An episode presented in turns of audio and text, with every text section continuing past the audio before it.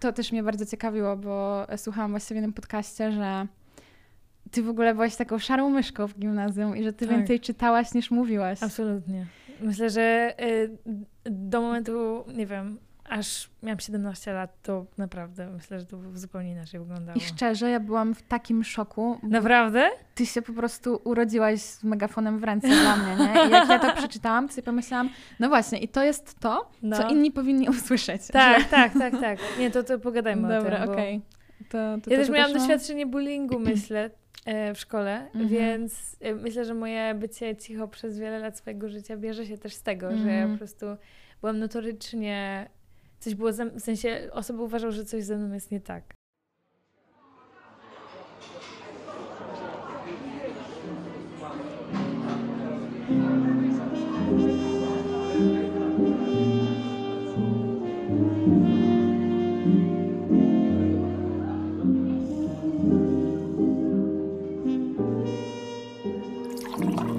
Słuchasz podcastu Kawka z kawką. Ja myślałam, że na początku traktujesz aktywizm jako swoją pracę, mhm. ale tak przyglądając się tobie właśnie ostatnio, stwierdziłam, że to już nie jest praca, to jest styl życia. No myślę, że tak i w ogóle mhm. nie dla wszystkich to jest wszystko i czasami jest moment, w którym po prostu moi rodzice mówią mi, wiesz, gdzie jest nasza córka? W sensie, gdzie jest nasza relacja z naszym dzieckiem? Gdzie jest nasze dziecko? No i często, często jest mi po prostu strasznie przykro i i strasznie mi przykro, że, że osoby, które są dla mnie ważne, są, jest im smutno, są zawiedzione przez to, czy, yy, czy gdzieś tam yy, wiesz, padają jakieś bardzo trudne słowa i, i, staram się to tłumaczyć osobom, ale nie wszyscy to rozumieją, bo żyjemy w takim świecie, że w sensie mój aktywizm i działanie wobec kryzysu klimatycznego to nie jest właśnie po prostu moja ścieżka girlbossingu, kariera czy coś. W sensie ja uważam swoje działanie za jakąś taką, taką trochę próbę przetrwania i taką, taką ścieżkę do przetrwania. I, I często rzeczy, które robię, one nie wynikają z tego, że ja po prostu teraz wybieram się poświęcić swojej karierze, bo po prostu chcę osiągnąć jakiś nie wiadomo jaki sukces i być nie wiadomo na ilu po prostu okładkach. Wiele osób myśli, że wszystko, co robię, jest tylko o tym. E, A nie? No przecież. Przecież no, aktywizm jest tylko o tym, żeby wiesz, być na okładkach. No tak, wysokie obsesje co tydzień. No, no nie, no, no, no właśnie nie, bo, bo potem jak jest jakaś po prostu wpis w mediach i zdajesz sobie sprawę, że potem dalej nic się nie zmienia, masz tak, no dobra, to chyba, to chyba nie jest kwestia tego, jak często będę na tej okładce, chociaż nie mhm. byłam jeszcze ani razu. E, ale wracając, to nie jest ważne. Wracając do tego, no więc moje działanie wynika z jakiejś takiej próby po prostu jakby reakcji na to, że nam się odbiera możliwość do życia, do, do cieszenia się rzeczami, odbiera nam bezpieczeństwo. Więc nie jest trochę tak, że w sensie. Oczywiście ja wybieram, że nie wiem, chcę, teraz jestem w tym miejscu i robię te rzeczy, ale, ale w dużej mierze nie wybieram tego, bo, bo dla mnie to jest trochę tak, że ja muszę robić te rzeczy, bo, bo, bo ktoś musi się tym zajmować i potrzebuję większej ilości osób, ale póki co jej nie mam, więc ja to wykonuję. No więc potem naturalnej kolejności, naturalną kolejnością tego jest to, że nie wiem, nie mam mnie na imprezach rodzinnych, nie jestem w stanie odpisać moim znajomym, moim przyjaciółkom, nie jestem w stanie y, zatroszczyć się one, kiedy one mają trudniejszy czas. I, i, i chociaż ja bym chciała, to ja po prostu już nie jestem w stanie, bo często jest tak, że po prostu zasypiam w randomowych miejscach albo jestem, jest mi bardzo trudno tak psychicznie na wszystko. Y, i i, i, i po prostu z, z, łamie mi się serce, kiedy nie jestem w stanie być dla wszystkich bo często też nie jestem dla siebie w ogóle w tym wszystkim. E, no więc to jest jakieś trudne i, i to już tego już nie widać. I nie wiem, na przykład mam tak, że e, próbuję od jakichś trzech tygodni napisać taki post podsumowujący lato, po prostu lato 2022, jakieś moje po prostu reflections i tak dalej.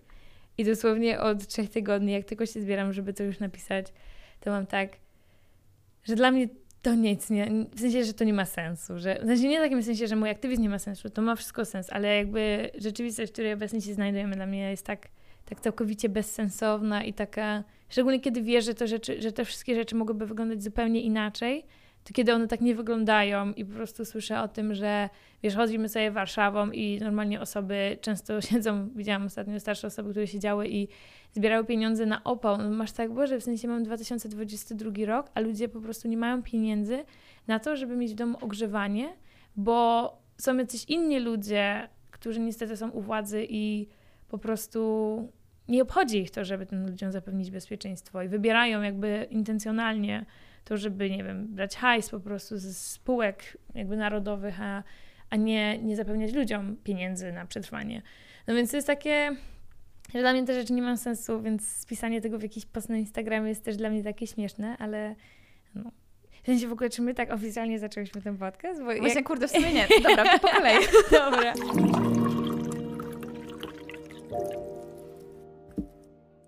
Parę miesięcy temu przerwałaś studia dla klimatu. To była dla ciebie trudna decyzja? Yy, myślę, że, że... Jeśli tak w ogóle mogę powiedzieć, że tak. właśnie dla klimatu je przerwałaś. Mm. No myślę, że trochę yy, dla klimatu to ciężko to nazwać, bo mam wrażenie, że no ja od wybuchu wojny w Ukrainie, no tyle jakby do momentu wybuchu wojny yy, w Ukrainie byłam aktywistką klimatyczną i wszędzie mówiłam sobie, że jestem aktywistką klimatyczną, bo działam dla, wobec kryzysu klimatycznego.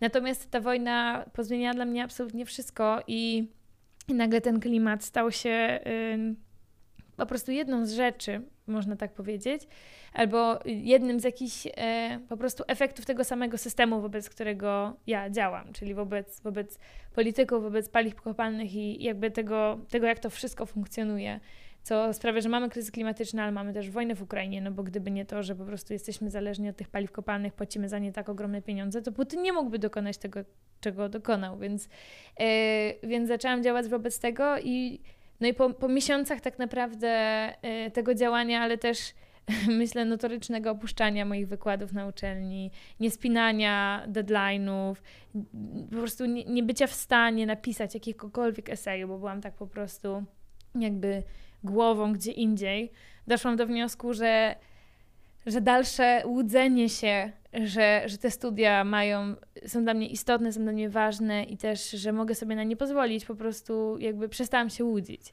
I też y, doszłam do takiego wniosku, że te uczelnie, te budynki, te materiały, ta wiedza, ona tam jest, w sensie ona się nie ruszy i myślę, że problem jest w tym, że ona się nie rusza i ona jest po prostu w tym samym, że tak powiem, mhm. formacie od, od, od dekad. Natomiast y, no, no to wszystko tam jest, ta edukacja to nie jest tak, że ona zniknie za dwa lata, tylko... I ty... że możesz ją w ogóle zyskiwać tylko na uniwersytecie. No to jest w ogóle już jakiś kolejny mit też, tak, że, że generalnie jedyna wartościowa edukacja jest w budynku przy jakiejś ulicy, w której wykłada konkretna osoba, a i, i jest to w jakimś takim schemacie po prostu podręcznikowym, no to jest, to jest jakiś mit, który dla mnie po prostu też już okazał się po prostu nieprawdziwy. No a z drugiej strony miałam tak, że... Yy, że po prostu nam się wszystkim wmawia, że, że studia w tym wieku są po prostu najważniejsze i w sensie, że naszą rolą jest bycie studentką. Y, no dla mnie... Że jak nie studujesz, to jesteś nikim w ogóle. Tak, tak, tak, tak. tak że co tak. osiągniesz, gdzie tak, się widzisz. No i, i wiesz, i że że, że, że w ogóle bez papierka, że się nie, nie, da, nie da przeżyć. No i ja mam tak, że to jest nieprawdziwe, a z drugiej strony trudno mi jest już uwierzyć w to, że jakby w rzeczywistości, w której mamy kryzys klimatyczny tak poważny jak nigdy, mamy tak po prostu szalejącą inflację, drożyznę spowodowaną kryzysem energetycznym w dużej mierze i mamy wojnę, która się dzieje i której jakby no moi przyjaciele, moi znajomi muszą po prostu bezpośrednio uciekać z domu bo właśnie jakby działamy w takim, a nie innym systemie. No, no nie sądzę, że w obliczu tych wszystkich wyzwań to moim najważniejszym zadaniem w tym momencie jest uczenie się po prostu starożytnej filozofii Sokratesa, Arystotelesa i innych starszych panów yy, sprzed tysięcy lat. No tak, w momencie, w którym jakby doszłam do takiego wniosku, miałam tak, dobra, no to, to, to, to ja już muszę przestać po prostu udawać, że to ma dla mnie znaczenie i że to jest też adekwatne w tym momencie i i, i zrezygnowałam z tych studiów.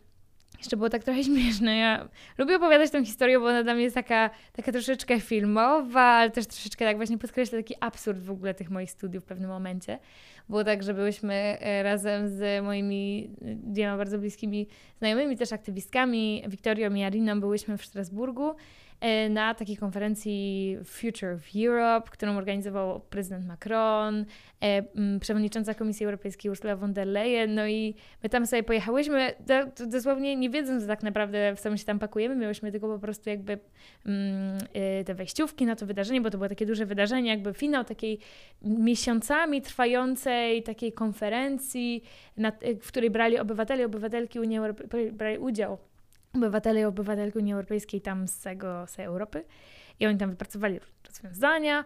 No i potem było tak to zwieńczenie tej konferencji z wielkimi przemówieniami w ogóle. No i my tam pojechałyśmy z dziewczynami właśnie, no bo wiedzieliśmy, że to będzie jakiś moment, więc pojedźmy tam. Yy, yy, udało nam się załatwić bilety, pojechałyśmy tam, udało nam się załatwić też wejściówki. Jesteśmy w tym parlamencie, i tak siedzimy, tak jest troszeczkę nudnawo, tam oni gadają te wszystkie ważne rzeczy, bla, bla, bla prezydent Macron próbuje nas wszystkich przekonać, że on generalnie wszystko wie, wszystko ma ogarnięte i jest w ogóle jest zbawi zbawicielem tak naprawdę no, narodu. No, oczywiście. Tak, szczególnie, że to było bardzo y, tam w okolicach y, wyborów.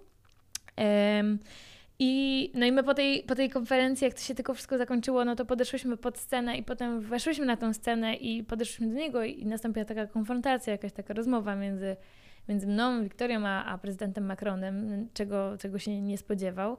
Potem już, że tak powiem, wydarzyło się, co się wydarzyło, gdzieś tam ta historia się rozniosła. Bo mówimy o tym wiralowym waszym momencie, gdzie on myślał, tak. że chcecie selfie, a wy tak. tutaj krzyżowo ogień pytań. Tak, tak, tak, okay. tak, tak, dokładnie, to było, to było to. Cały świat w ogóle o tym chyba mówił, co? Wiesz co, trochę, trochę osób o tym mówiło. Myślę, że yy, prezydent Macron, bo posłuchaliśmy mu PR, a właściwie ściągnęłyśmy jego, jego, jego, jego do ziemi e, tym, tą konfrontacją.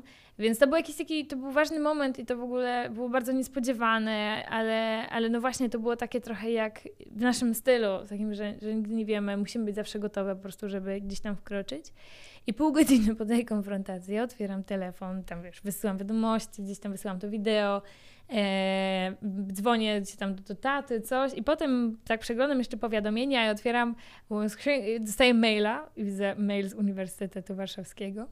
I moja jedna wykładowczyni mi pisze Pani Dominiko, ma Pani e, już za dużo nieobecności, więc jeżeli e, w środę, a to było tam półtora dnia później, nie pojawi się Pani na zajęciach w Warszawie, e, to jakby będzie Pani miała już za dużo nieobecności, E, i wówczas nie będę pani w stanie zaliczyć tego przedmiotu, a że to był taki przedmiot obowiązkowy, to no nie będzie pani w stanie zaliczyć roku. Ja mam tak, well. Um, hmm. Decyzja sama się podjęła. No to chyba mamy jasność. No, no nie będę w Warszawie, nie, nie przetransportuję się tak szybko na tę uczelnię i no, no nie pójdę na te zajęcia, więc to chyba oznacza, że no chyba muszę zrywać ze studiami.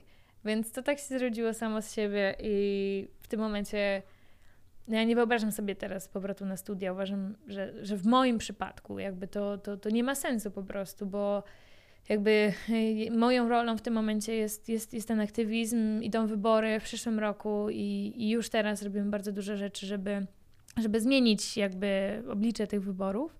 No więc y, myślę, że y, Arystotelesy i inne Maxy Webery i socjologia przy, przy, przy Karowej, to nie jest czas na to w tym momencie. Ale też totalnie rozumiem, jeżeli studia są dla osób jakby wartościowe i są na niej dobrą ścieżką. Myślę, że dla wielu osób to jest najlepsza ścieżka, jaką mogą wybrać. Dla mnie po prostu nie. I, i nie chciałabym tam być tylko dlatego, że ktoś sobie kiedyś wymyślił, że taki jest schemat tego, co powinna robić po prostu 20-letnia osoba w tym kraju, w tym wieku.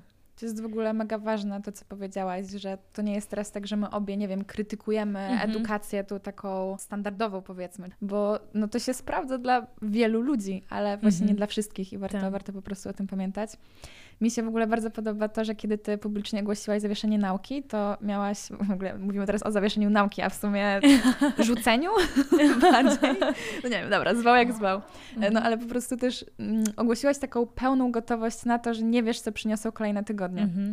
I to mi się mega podobało, że, że, mhm. to, że ta niewiedza była po prostu dla ciebie totalnie okej okay i że byłaś w mhm. stanie to przyznać, bo ja mam takie poczucie, że na młode osoby nakłada się mega presję odnośnie tego, że one muszą wiedzieć, kim chcą być, gdzie chcą być, co chcą robić, gdzie chcą się właśnie znaleźć.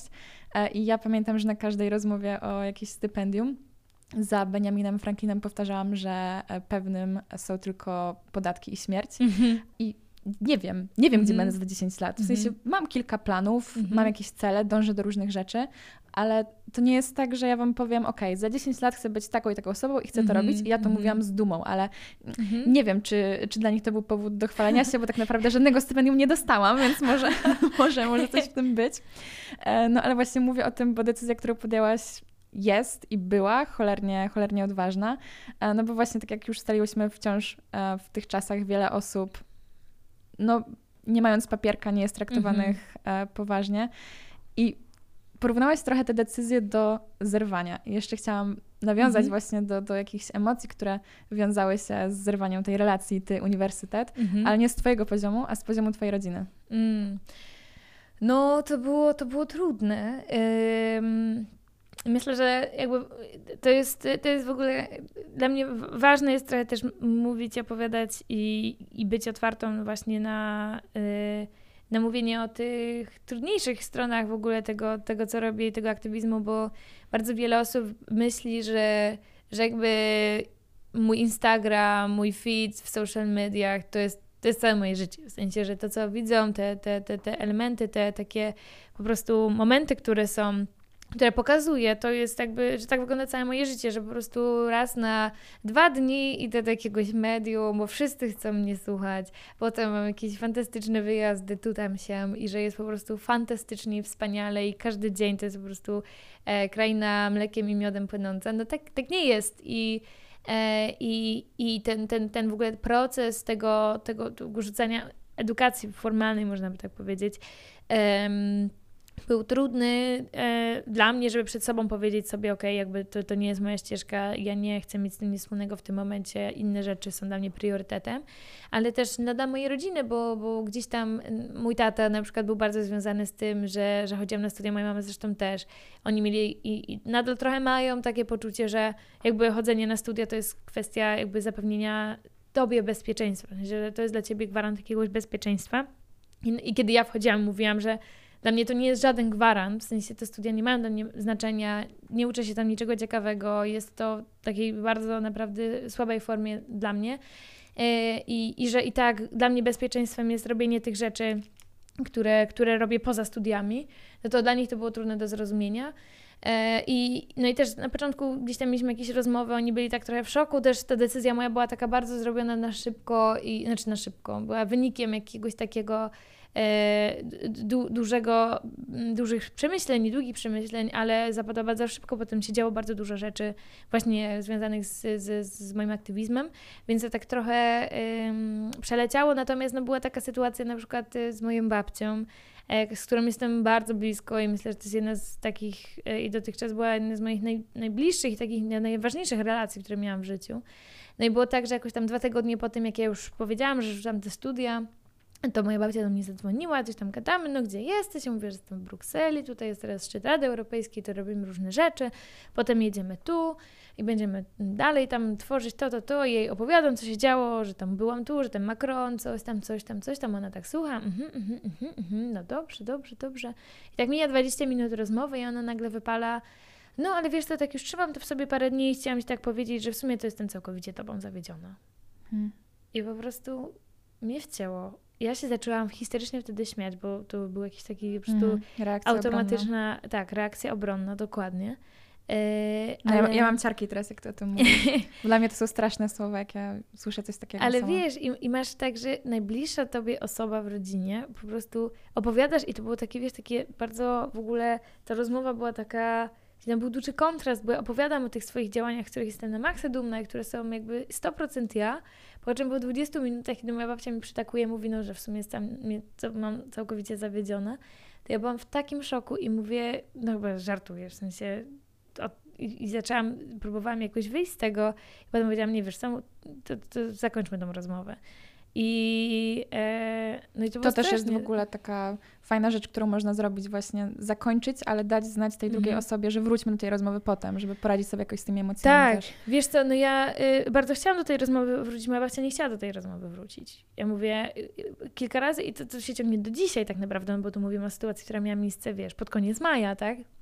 E, że mieliśmy tą rozmowę i e, no i ja mówię, i wtedy jej powiedziałam jeszcze, jak rozmawiałyśmy, mówię, wiesz co, no, no, rozumiem, że możesz nie rozumieć tej decyzji rzucenia moich studiów, że możesz się z nią nie zgadzać, ale mówić mi wprost, że jesteś mną, jako, jako całą mną, całkowicie zawiedziona, no to jest, to jest okropnie bolesne. Mhm. I to jest, e, nie rozumiem dlaczego tak mówisz, e, bo ja Cię darzę bardzo ogromnymi uczuciami, bardzo Cię kocham i kiedy Ty mówisz mi takie rzeczy, to mam wrażenie, że, że, że mnie krzywdzisz, że to jest, to, jest, to jest ogromna krzywda, którą robisz w tym momencie. A jak ty sobie z tym poradziłaś? Bo też myślę, że to może Mhm. być takie pytanie i odpowiedź, która e, będzie właśnie przytuleniem dla naprawdę wielu Mhm. młodych ludzi, którzy słyszą coś takiego od nauczycieli, od Mhm. rodziców, od po prostu bliskich osób. Ja sama słyszałam e, różne rzeczy tego typu. Nie od rodziców, spokojnie, bo wiem, że będą tego słuchać i by poczuli się urażeni. Spokojnie, rodzice, kocham was bardzo.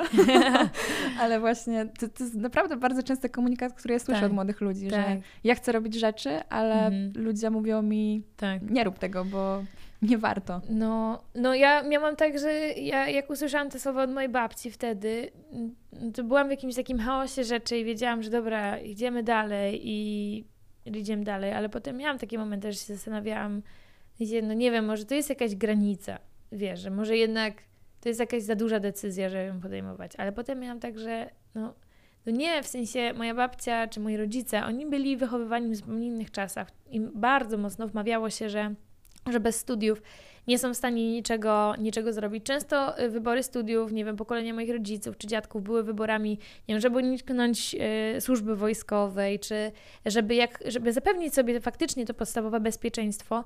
Więc rozumiem, kiedy oni mówią do mnie, kierują takie komunikaty, że, że bo, bo dla nich studia są jakimś, jakimś zabezpieczeniem faktycznie i, e, i w tym trudnym świecie, że, że, że to, im, to jest jakiś gwarant. Dla mnie nie jest i wytłumaczenie tego było trudne. Natomiast właśnie, e, kiedy ja tak sobie próbowałam jakoś to wszystko poukładać w głowie, to ja przede wszystkim e, chyba to, to, to doświadczenie sprawiło tylko, że, że, to, że, że tylko mocniej utwierdziłam się w tej decyzji i w takim przeświadczeniu i takiej wierze w to, że, że naprawdę moją, moim zadaniem w tym momencie, moim priorytetem nie są studia, jest coś innego i te osoby mogą jeszcze tego nie rozumieć w tym momencie, ale ja to rozumiem, dla mnie to jest jasne i klarowne i przede wszystkim ja, ja to czuję i jeżeli tylko mam możliwość wykonywać e, to, te swoje działania na, na, na jeszcze jakby większej skali, czy, czy jeszcze poważniej po prostu i robić to lepiej, to, to będę to robiła. E, I myślę, że, że takie utwierdzenie i powiedzenie samemu sobie, że to jest moja decyzja, w którą wierzę, nieważne czy inne osoby w tą wierzą, dla mnie było bardzo jakimś takim dużym krokiem. E, no i też myślę, że... y, no, no, ja nie mam tak, że ja mam teraz, że no już jest wszystko super, historia się fajnie skończyła, babcia Mhm. zrozumiała. No nie, moja babcia nadal, kiedy, kiedy pytam się jej o te słowa, które konkretnie, które powiedziała, to mówi mi, nie psuj nastroju.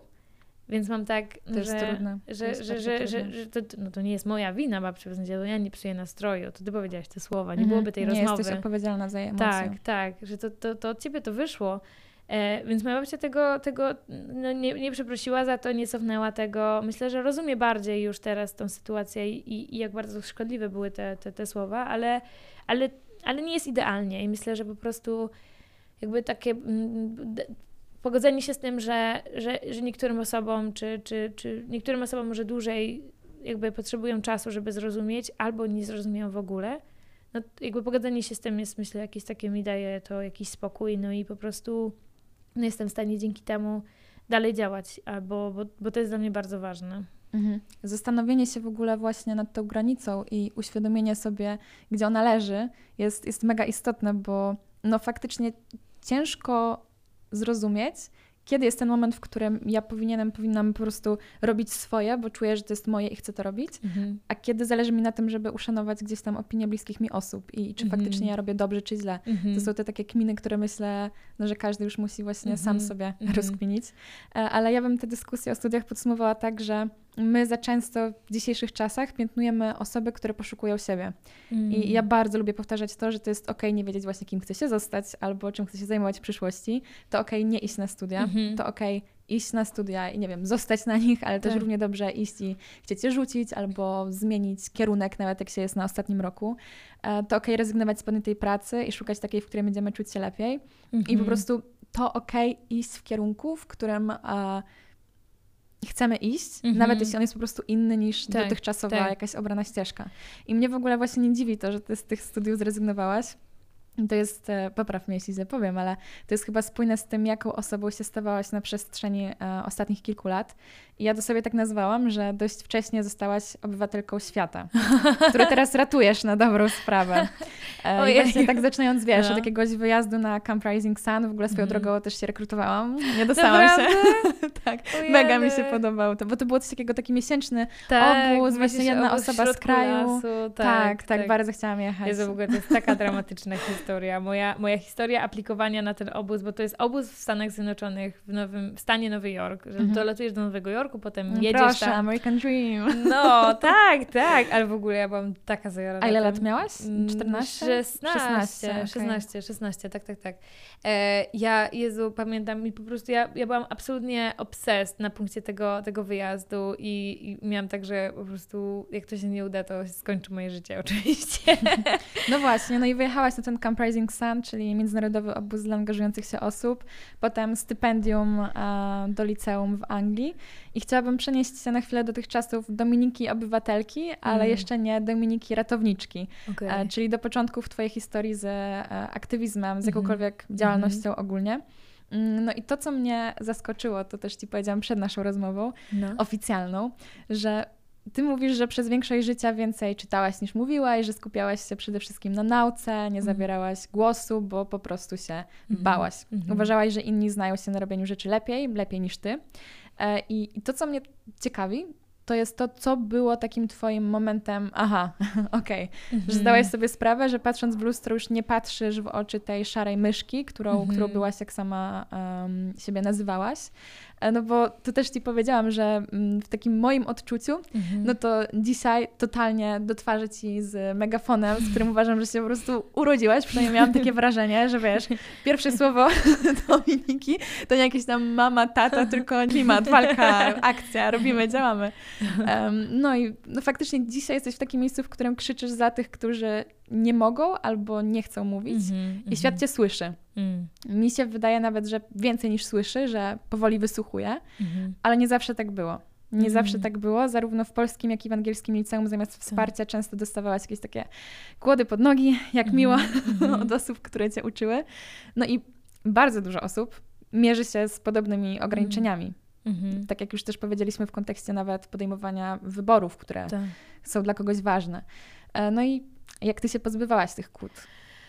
Oj, e, w ogóle to jest. y, Dla mnie to jest na przykład ciekawe, bo ja często mam tak, że. E, no bo du, dużo ostatnio działo się takich, takich rzeczy, które, e, nie wiem, demonstracji, jakichś dużych akcji, wydarzeń, jakiegoś mówienia do jakichś absolutnie szalonych mediów. Miałam tak, że e, ja bardzo często w sumie się łapię na tym, że w tych sytuacjach mam tak, wiesz, taki moment takiego otrząśnięcia, mam tak, Jezu, co się dzieje? W sensie, Mhm. że w życiu bym nie pomyślała, że, że, że będę mogła działać w taki sposób i że tak będzie wyglądało moje życie, gdy miałam na przykład 8 czy, czy 9 lat. Ja faktycznie mam doświadczenie, które e, jest o tym, że no jestem z Bydgoszczy, chodziłam do mojej szkoły podstawowej e, w moim miasteczku poza Bydgoszczą e, i, i, i żyłam sobie takim dosyć spokojnym życiem tam. E, Bydgoszcz to, to nie jest jakieś na maksa szalone miasto pełne możliwości, raczej jest to tak miasto z kategorii zwykłe. Mhm. E, więc, e, więc moje życie było takie, takie, takie naprawdę, mm, powiedziałabym, mm, spokojne, poza szczegółem tym, że ja się nie mogłam tak całkowicie odnaleźć w szkole. W sensie w szkole podstawowej e, było mi bardzo trudno, głównie dlatego, że miałam po prostu no, problemy z, z, z, z moimi rówieśnikami, rówieśniczkami e, i bardzo mało mówiłam, w sensie byłam bardzo taka, okej, ja A tutaj, tutaj wiesz, mówimy o przemocy słownej, czy bardziej fizycznej, czy w ogóle No coś właśnie, innego? y, no tak, było tak, że ja, ja ogólnie, mm, ogólnie y, byłam wtedy jeszcze y, taka, taka trochę nieśmiała i ja często w ogóle miałam tak, że na przykład jak byłam w różnych miejscach czy w różnych grupach, to tak raczej obserwowałam i ja tak analizowałam te osoby wszystkie i Mhm. w ogóle analizowałam, kim one są, co one robią i tak dalej, jakoś tak nie wiem, czy to jest jakaś wysoka wrażliwość, czy to jest jakiś spektrum autyzmu, czy to jest nie wiadomo co, być może, E, ale po prostu miałam tak, że, że, że, że, tak jakoś z zewnątrz często patrzyłam na różne sytuacje, przez to trudno mi było się odnaleźć w szkole, a i byłam, bardzo często mi mówiono, że jestem bardzo poważnym dzieckiem, w sensie, że jestem zbyt, no właśnie, zbyt jakaś, zbyt, Zbyt dojrzała, zbyt poważna, zbyt, Zawsze zbyt, nigdy zbyt wystarczająco. X, Y, Z, tak. No i w podstawówce to moje bycie zbyt poważną, czy, czy po prostu bycie osobą o, o, o takiej, a nie innej wrażliwości, jakby doprowadziło do sytuacji, w której ja przez długi czas, e, myślę, byłam no, w jakimś sensie pokrzywdzona e, przez, przez bullying, przez wykluczenie takie, mhm. takie w grupie, takie na co dzień. Dzieci są takie okrutne. Tak. Są takie, potrafią, potrafią, potrafią być takie okrutne. Tak i w ogóle to jest na przykład ciekawe w kontekście e, tego, że, no, że jakby na co dzień się zajmuję, no oczywiście kwestiami klimatycznymi, ale takiej sprawiedliwości społecznej. Mam bardzo wiele znajomych, którzy doświadczają takiej systemowej przemocy właśnie na tle, mm. nie wiem, swojej queerowości, czy e, seksizmu i tak dalej, i tak dalej. E, I... No i na tyle na przykład, jak ja przez, przez jakby całe swoje życie nie zdawałam sobie, nie, nie byłam świadoma tego, że no nie wiem, na przykład jestem inaczej traktowana, bo jestem dziewczyną, czy, czy, czy z różnych innych takich względów, takich jakby, wiesz, które mają taką plakietkę społecznych problemów, to, to ja miałam takie doświadczenie bycia przez, przez lata, myślę, przez no, właściwie całe swoje doświadczenie szkoły, bycia wykluczoną w takich bardzo, bardzo codziennych sytuacjach. Takich na zasadzie, e, nie wiem, wchodzę do klasy i wszyscy się na ciebie patrzą źle i, i nie chcą z tobą siedzieć. Albo e, siedzisz sobie i słyszysz, że ludzie o to je gadają dookoła. Albo, że... E, nie wiem, że dowiadujesz się, że są tworzone jakieś historie, jakieś specjalne e, po prostu kółka e, hejtu na ciebie. Mhm. I, i to, to nie było takie doświadczenie, że to był jakiś po prostu wyjątek, tylko to było tak, że ja w podstawówce, w gimnazjum, w liceum, w, w tej szkole w Anglii, jakby to, to się zdarzało. W Anglii też? Tak, tak, tak. To się zdarzyło tak tak, tak, tak cały czas. W sensie, że dla mnie to stała się norma. W sensie normą stało się to, że ja po prostu nie jestem częścią grupy, że, e, że ktoś, dla kogoś jestem jakimś problemem pod jakimś kątem. Więc e, no, to, to, to jest moje doświadczenie i stąd też przez długi czas wynikała moja nieśmiałość i to, że po prostu ja nie mówiłam, no bo kiedy po prostu rodzisz się, wychowujesz się i rośniesz e, w tych kluczowych dla siebie latach w takim poczuciu, że jesteś problemem albo jesteś jakaś nie taka pod jakimś względem, no to, no to też jakąś naturalną reakcją jest to, że po prostu, no dobra, no to nie będę zajmować przestrzeni, nie będę gadać, no bo, no bo co. No a potem, kiedy dołączyłam do strajku klimatycznego właśnie po, po powrocie z tego liceum w Anglii, e, to, to poczułam, że to jest pierwsze takie moje miejsce, w którym e, jakby mogę siebie wyrażać i w którym jakby, że całe to miejsce jest o tym, że dajemy ludziom przestrzeń do tego, żeby zabierali głos i żeby byli sobą, żeby mogli być sobą, żeby mogli działać i, i właśnie odpowiadać na to, że non-stop się nas gdzieś tam w jakimś sensie e, tłamsi, czy, czy ignoruje, czy, czy stawia w pozycji niebezpieczeństwa. E, I od tamtej pory dla mnie aktywizm stał się jakimś takim lekiem na te, te, te, te, te lata doświadczeń, tego, te, te, te, tej ciszy, tego takiego właśnie wycofania i tak dalej. E, no i, i nagle zdałam sobie sprawę, że, że kurczę, że że, że, że przez lata jakoś mi wypchnięto w taką rolę właśnie siedzenia cicho w tylnej ławce, czytania podręczników, e, uczenia się, a nie zabieranie głosu, nie zabieranie przestrzeni, nie e, właśnie nie, nie, nie, nie, nie, nie bycia, nie funkcjonowania tak, jak ja chciałam funkcjonować. E, no i teraz jest moment, w którym ja się na to już po prostu nie zgadzam, że, że już mam żywnie dość tego mhm. i że, że że koniec, bo, bo dlaczego, dlaczego ktoś w ogóle rości sobie prawo do, do, do, do sadzania mnie i uciszania mnie? To jest, to jest absolutnie chore i e, no i teraz ta sytuacja się zmieniła. I ja często mam tak, że e, tak jak sobie myślę o sobie i wiesz, są jakieś działania, protesty, jest jakieś, są jakieś przemówienia, wszystko się dzieje takie, jest takie duże i tak, tak jest tak intensywnie, mam tak kurczę, w sensie dziewięcioletnia, dziesięcioletnia Dominika Laseta po prostu padłaby, byłaby w szoku, że... Ale byłaby szczęśliwa, myślisz? O Jezu, ja myślę w ogóle, ja jej tak współczuję, bo ona była taka smutna i taka takiej, one tak, ja jakby jako dziecko w ogóle mi się tak marzyło robić takie rzeczy. Ja bym dosłownie. się kumplowała z tą dziewięcioletnią Nikolasą. Nie mówię poważnie, ja też przechodziłam przez bardzo mm, podobne rzeczy. Mm. Ja szczerze mówiąc czasem się zastanawiam, jakim cudem ja mm. jestem tu, gdzie jestem, właśnie mm. wiedząc, jak ja byłam traktowana w szkole jako mhm. dziecko. Ja do teraz po prostu mogłabym Ci powymieniać pełno jakichś sytuacji, które ja wciąż mam w głowie, nie wiem, że na przykład było przedstawienie, pamiętam w czwartej klasie, ja miałam grać e, pastuszka i dziewczyna, mm. która grała anioła, nie chciała dotknąć mnie e, w głowę, Mm. bo wykrzyknęła na całą klasę, że o, że Julka ma łupież, ja jej nie będę dotykać i w Mhm. ogóle. Ja nawet nie Mhm. miałam łupieżu wtedy, więc to też w ogóle poczułam się strasznie dziwnie. I od Mhm. tamtej pory dzieci nie chciały mnie dotykać, słuchaj, nie? No. E, I, to jest jakaś tam jedna z wielu sytuacji. Ja też nie mówiłam o tym nikomu, ja rysowałam. Moja mama Mhm. znajdowała właśnie jakieś rysunki, wiedziała, że coś jest Mhm. nie tak potem. Mhm. Też pamiętam właśnie, kiedyś miałyśmy rozmowę po tym, jak w śmietniku, bo oczywiście tego nie pokazywałam, tylko wyrzucałam, jak w śmietniku znalazła rysunek e, kaczki na środku i dookoła takich zwierząt różnego rodzaju, które pokazywały palcem na tę kaczkę właśnie e, i, i to było podpisane, nie? że kaczka dziwaczka, że ja i imiona dzieci z klasy naokoło, jako te zwierzaki. Więc totalnie, słuchaj, e, cofnijmy się do No. tego momentu, w którym miałyśmy obie po 9 lat, bo jesteśmy Mm. 0,1 i Mhm. myślę, że z tego wyszłaby fajna przyjaźń do Myślę, że tak. świata. I, I w ogóle to jest tak, że ja często się łapię na tym, że wiesz, jak tak sobie myślę, w sensie, ile jest takich dzieciaków, które mają dosłownie Masa. takie same doświadczenia i Masa. sensie, jak one by zaczęły gadać i opowiadać o tym, co czują, bo często też na przykład w moim przypadku to było tak, i podejrzewam, że nie jestem jedyna taka, że e, no jak ja mam jakiś tam poziom wrażliwości i na przykład ja mam tak, że od, od zawsze jak jestem w jakichś takich sytuacjach, takich społecznych, że jest duża grupa ludzi, to mi jest trudno, wiesz, właśnie wejść w to i tak, po prostu zawładnąć sytuacją, tylko ja bardziej jestem tak na zewnątrz, ta, która obserwuje, jak to, jak, jak się zachowuje, jak tak to mówi i jakby z tego, jakby ja, ja jestem w stanie wyciągnąć niesamowite wnioski i takie, i jako dziecko też byłam w stanie to robić i zastanawiam się czasami, mam tak, że wiesz, gdyby, gdyby, gdybyśmy właśnie jakoś tak, nie wiem, gdyby te nasze szkoły wyglądały inaczej, gdyby one nie były oparte na, na przemocy, na uciszaniu ludzi, na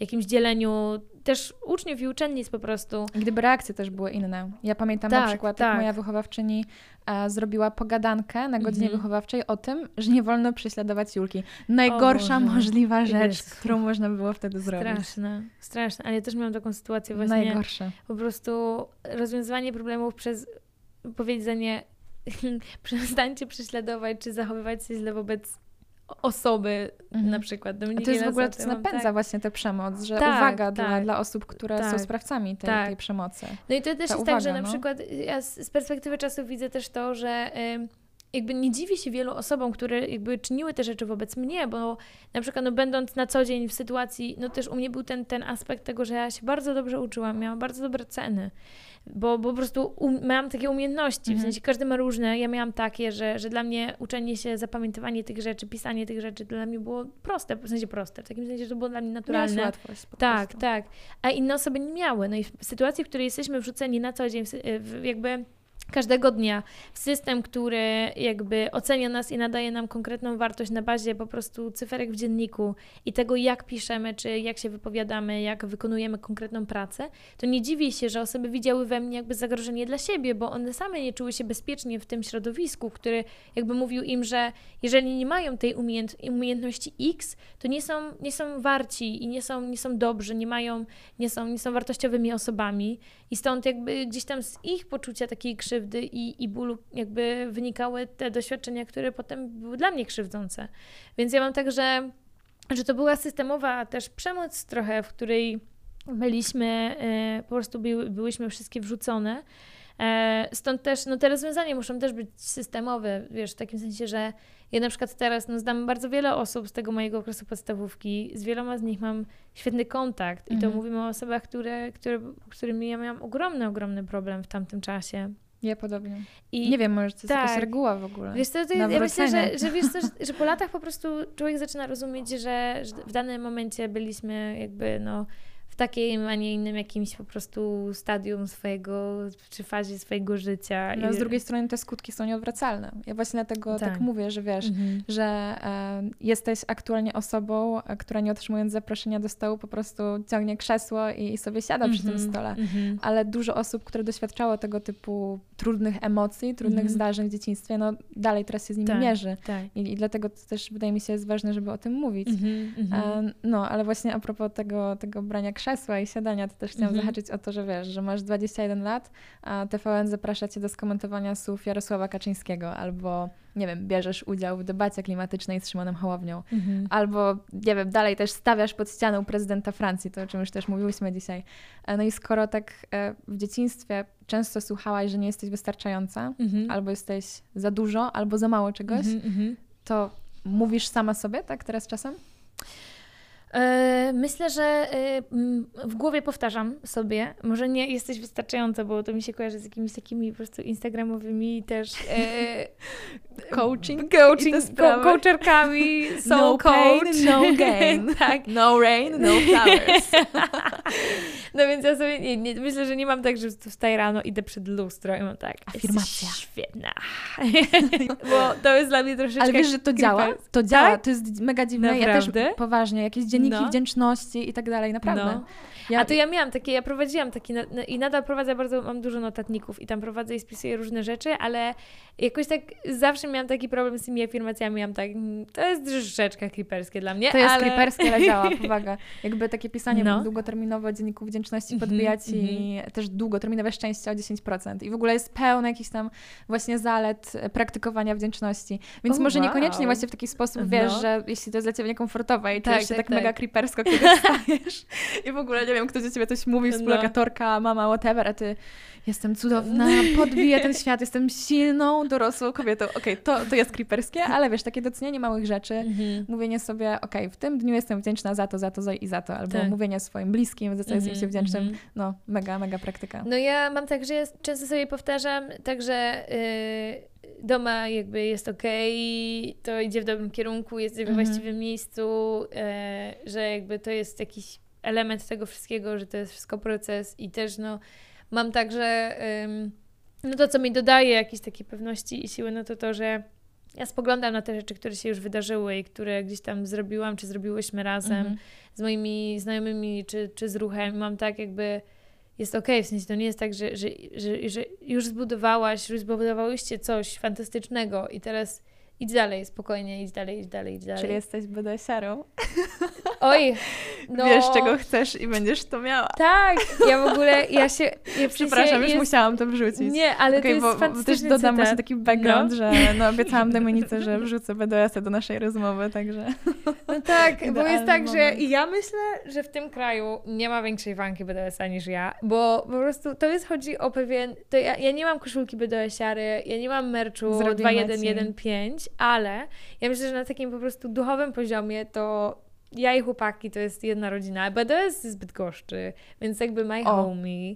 Ale myślę, że przede wszystkim taki jakby, no ja uwielbiam go i w ogóle szczególnie ostatnio utożsamiam się najbardziej z wersem Mam 20 lat, nieważne co jutro, chcę mieć cały świat, bo to mi dodaje Kurde, to jest to, o czym my mówiłyśmy no totalnie, tak, nie? tak, tak, to jest właśnie, to jest o tym, ja w ogóle, ja naprawdę, w sensie, jeżeli ja bym miała czas, to ja chciałabym napisać esej, jak ten cytat, po prostu mam 20 lat, nieważne co jutro, jak on mi bardzo pomógł, na przykład przy te, całym tym procesie rzucania studiów, no to ja miałam tak, że no, miałam gdzieś tam to szczęście, że też miałam jakieś znajome, na przykład moją znajomą Sonię Wargacką, którą ubóstwiam. Sonia jest taką fantastyczną em, kobietą, twórczynią, artystką, filmowczynią, która e, też już wiele razy w życiu rzuciła wszystko. Pojechała do liceum w Indiach, potem pojechała do Londynu, potem jak w Londynie miała depresję i pracowała jako sprzątaczka, to rzuciła to wszystko, pojechała na Jamajkę, nie wiedziała co się dzieje. I teraz też wiedzie takie życie, takie bardzo szalone i nie wie co się dzieje, ale jakby ma jakiś w sobie taki core, który po prostu się kieruje i,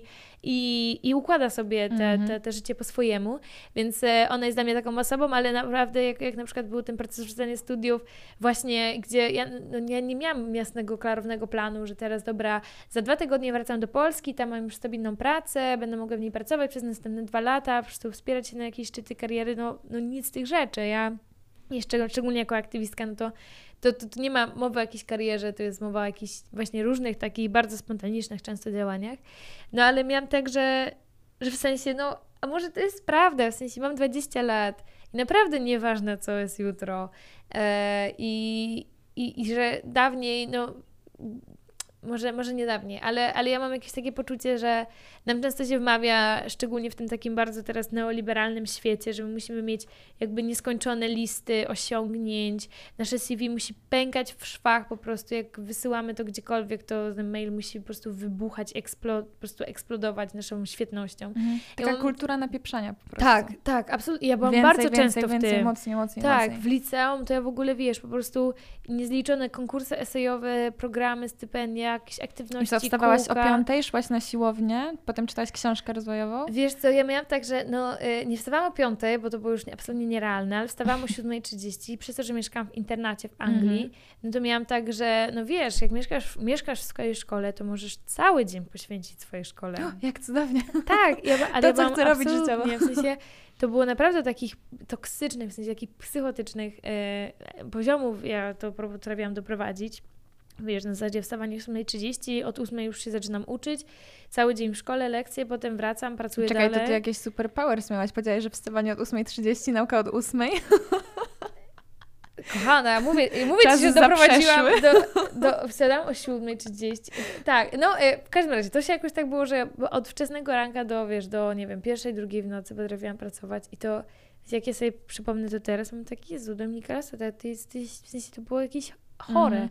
Ale mam tak, że ja wiem, że mnóstwo ludzi tak robi dalej i, e, i, i jestem, wiesz, wyobrażam siebie totalnie teraz w momencie, w którym, wiesz, mogłabym spokojnie wrócić na Uniwersytet Warszawski albo, nie wiem, wyjechać za granicę na studia, złapać 15 staży, e, po prostu pracę w jakiejś fancy organizacji, czy, czy, czy firmie, czy instytucie, wiesz, mogłabym, że tak powiem, skakać od jednej fantastycznej okazji do drugiej, budować to swoje CV, no mogłabym to robić, e, czy Mhm. czułabym, że to jest prawdziwe i, i jakieś zgodne ze mną i ma dla mnie znaczenie? Pewnie tak, tak na, na, jakby at the bottom of it, nie.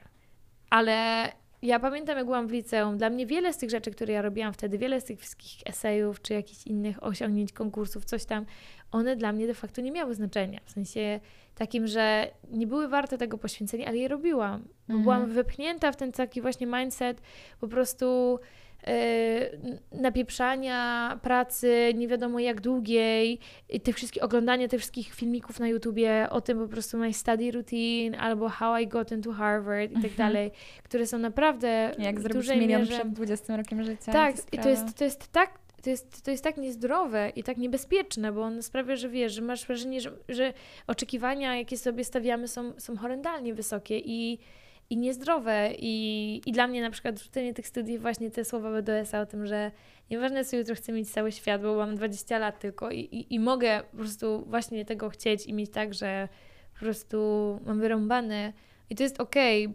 No ja nie mam wyrąbane, bo ja się zajmuję rzeczami konkretnymi i, i, i ten czas poświęcam na na, na, na, na istotne rzeczy dla mnie, ale, ale mam tak, że no nie wiem, nie wiem co będzie we wrześniu, w październiku dokładnie. Mam jakieś pomysły i mam Mhm. jakieś plany i na najbliższe miesiące, ale jak będzie wyglądał przyszły rok, jak będzie wyglądać, nie wiem, następne 5 lat e, czy 10, no ja sobie nie wyobrażam swojego życia za 10 lat. Myślę, to kryzys klimatyczny mnie tak troszeczkę jednak nastawił negatywnie, ale ale, ale mam tak, że, że nie wiem, ale wiem, że wy- wymyślę. I to jest, i to, to mi daje spokój. Ja nie mam jakiegoś takiej obawy, że nie wiem i to mnie napędza jakimś Mhm. lękiem. Ja bym mam tak, że jest okej. Ale wiesz, ty, to jest też trochę o tym, dlaczego my się dzisiaj w ogóle tutaj spotykamy. Mhm. E, O tej autentyczności, a raczej jej braku chociażby w mediach społecznościowych, Mhm. która powoduje, że ta kultura napieprzania Mhm. no po prostu rośnie, rośnie w potęgę i Tak. faktycznie czujemy taką presję robienia rzeczy, czujemy dyskomfort i wyrzuty sumienia, kiedy tego nie robimy, e, bo nie wiem, bo tutaj ktoś wrzuca posta na LinkedIna, chwali się, gdzie to on nie był, czego nie zrobił. Mhm, Jeju, mhm. ja, ja tak nie lubiłam właśnie LinkedIna, bo Mhm. ja nie rozumiałam jednej rzeczy, że jak ja się spotykałam z kimś, kto postawał często na LinkedInie, to Mhm. on mi mówił, że on też nie lubi LinkedIna. I że on w ogóle to właśnie najchętniej by nic tam nie wstawiał, ale czuje presję, że Mhm, musi. mhm. I Ja sobie tak bardzo e, idealistycznie wymyśliłam, że okej, Julia Kawka wbija na salony, wbijam na LinkedIna i że wiesz, przyniosę tam jakiś taki Mhm. powiew autentyczności. Mhm. Ale na czterech postach chyba się skończyło. Ja po prostu już nie miałam siły dalej Tak, pisać. tak. Bo dalej widziałam te wszystkie posty, tych Tak. wszystkich osób, które mi mówiły, że one nie lubią LinkedIna, że ta kultura właśnie napieprzania, że w ogóle to to nie jest ich bajka, ale widziałam równocześnie, jak oni budują dalej jakąś swoją markę osobistą w Mhm, necie mhm. na totalnie nieautentycznych rzeczach. Mhm, mhm. No i właśnie, nie wiem, mi się w ogóle wydaje, że mm, tak jak e, Młodzieżowym Słowem Roku rok temu był chyba śpiulkolot, z tego co pamiętam, Coś takiego, tak, coś tak, takiego. Tak, tak. To, to, dla mnie właśnie takim młodzieżowym słowem roku 2022 jest autentyczność. W sensie, dobra, to, to nie wygra tego plebiscytu, wygra jakaś essa. nie wiem, nie wiem, co teraz ta młodzież mówi. Be, nie, Bedoesiara. Bedoesiara. Ja myślę, że to ogromny potencjał. Ja, ja się zgłaszam już wygra, no. na to, żeby być, bo ja mogę wręczać tę nagrodę e, z wielką chęcią. Dobra, ogarniemy, ogarniemy. Tak, mogę też rozpisać po prostu plan komunikacji y, tej nagrody, plan promocji BDOS-iarę jako słowo roku, totalnie. Ale ym, ja mam też tak trochę, że mi się wydaje, że, że to, to dla mnie ym, ja doszłam do wniosku, że ym, ja już trochę nie mam siły na udawanie innej osoby niż jestem. I to Jezu, jak A udawałaś mówię. kiedyś? Myślę, że tak, w sensie no całe moje liceum i całe to po prostu Ja też, żeby nie Wiesz. było. I to takie y, wmawianie sobie na przykład, że wiesz, że muszę iść na najlepszy uniwersytet zagraniczny na świecie. Mhm, bo nie będziesz nic warta inaczej. Tak, bo inaczej to cała moja w ogóle edukacja w piach. Y, To, że wiesz, po prostu udawanie, że. Czy udawanie, jakby takie myślenie o tym, że ja muszę przeczytać 20 książek po prostu w miesiąc, bo tylko wtedy, że tak powiem, będę. Nie wiem, będę doceniona przecież i będzie, Mhm. będę, będę miała po prostu jakąś odznakę dobrej uczennicy w moim liceum. A te książki to w ogóle też jest mega ciekawy temat. W sensie, Mhm. mm, ja kiedyś śledziłam taką ciekawą um, dyskusję, powiedzmy, na Instagramie redaktora Macieja Maxolona, dotyczącą tego, czy czytanie jest ambitniejszą formą spędzania wolnego czasu. I dlaczego nie? dlaczego No. nie? No bo właśnie jakby. Czy to nie jest tak, że każdy powinien spędzać swój wolny czas i odpoczywać tak, jak lubi, w ogóle Mhm, tak, mhm. jak ma możliwość, tak. Tak. Tak, jak właśnie, jak po prostu chce i może. E, No i właśnie, nie wiem, często zadając pytanie, mm, co ostatnio ciekawego przeczytałeś, ludzie, wiesz, oblewają się potem, bo na przykład Mhm. nic nie czytali, a czują, że Mhm. powinni. Mhm. Czy Ja tak mam tak, że e, totalnie w ogóle, w sensie książki to jest w ogóle takie, ale to też jest takie kalasistowskie, myślę, wiesz, jakby mm, porównywanie siebie wzajemnie swojej wartości na bazie tego, ile książek się przeczytało albo jakie książki się czyta. No właśnie, wiele bo też osób- są różne książki, tak? Tak, Rozwijać tak, się można na tak. wiele różnych sposobów, nie tylko przez książki. Dokładnie, no i też jest tak, że wiesz, wiele osób w Polsce, e, osoby w cięższej sytuacji ekonomicznej, jakby nie mogą sobie pozwolić na, nie mają wolnego czasu, Totalnie. nie mają to sił. jest przywilej. Czytanie Tak, książek, to można powiedzieć, tak. jest przywilej, bo masz ten czas, żeby to robić właśnie. Dok- dokładnie, ale też jest tak, że wiesz, że często jakby takie wyższe klasy po prostu tworzą taki obrazek, że wiesz, że, ym, że jakby właśnie książki, że dedykują twoją wartość, twój kapitał społeczny i tak Mhm. dalej. A, a przez to tworzą wrażenie, że, że osoby, które nie czytają są po prostu, nie wiem, głupie albo nie zasługują na, na jakiś szacunek i tak dalej. No i to jest strasznie, w sensie to jest Mhm. strasznie szkodliwe i strasznie przemocowe. No więc ja mam tak, że... y, że ja, ja lubię czytać książki, ale muszę się przyznać, znaczy nie przyznać, po prostu dla mnie to jest jakiś normalne, że powiedzieć, że ja od, od czasu wybuchu wojny w Ukrainie nie, przeczyta, nie byłam w stanie przeczytać ani jednej książki. I cieszę się, że się poprawiłaś, bo to właśnie do niczego nie musisz się Tak, przyznawać, w po prostu to, nie mówisz, to jest tak, fakt. Tak, ja nie byłam w Okej, stanie, bo ja nie miałam czasu, nie miałam siły. Już nie mówiąc o tym, że wszelkie książki wydawały się dla mnie jakieś takie bardzo i w ogóle czytanie wydawało mi się jakieś nieadekwatne w momencie, w którym właśnie jesteśmy w takiej mobilizacji i działamy i, i trzeba, trzeba ratować, trzeba działać, żeby, żeby zatrzymać ten horror, który się dzieje.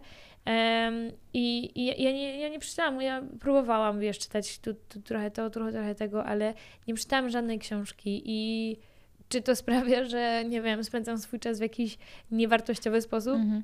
Nie. Czy to sprawia, Totalnie że jestem jakąś osobą, która po prostu jest głupia? nie. Myślę, że udowodniłaś dzisiaj, że nie jesteś, chociaż nie musiałaś. Wiesz, ale tak, ale, ale jest też tak, że kurczę, w sensie...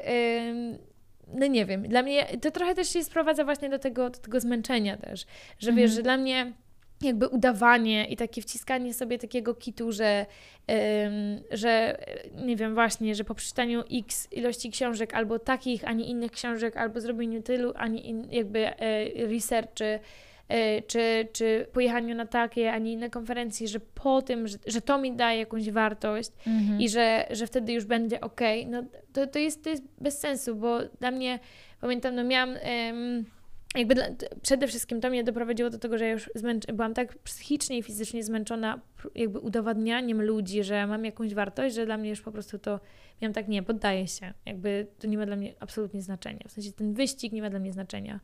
i e, szczególnie, że są rzeczy po prostu istotniejsze i, i, i wiesz, kryzys klimatyczny to, to jest coś, wobec czego działam, ale ja mam też trochę tak, że dla mnie uwalnianie się od tych oczekiwań, od tych schematów, od tego po prostu, od tej presji, od tego napieprzania, od tego takiego, tej mentalności, po prostu, e, wiesz, praca 24 na 7, to jest też trochę element aktywizmu, no bo ten system i kryzys klimatyczny jest o tym, że granice naszej planety, granice jakby stabilnego życia i stabilności ekosystemów są przekraczane. Są przekraczane na skutek przemysłu, który działa, y, bo, bo produkuje za dużo. Mhm. Są przekraczane, bo spalamy paliwa kopalne e, głównie znowu pod, pod różne biznesy, korporacje, e, różne gałęzie gospodarki, które są nastawione na jak największy zysk, jak, największe, jak największą produkcję, jak największy wzrost gospodarczy,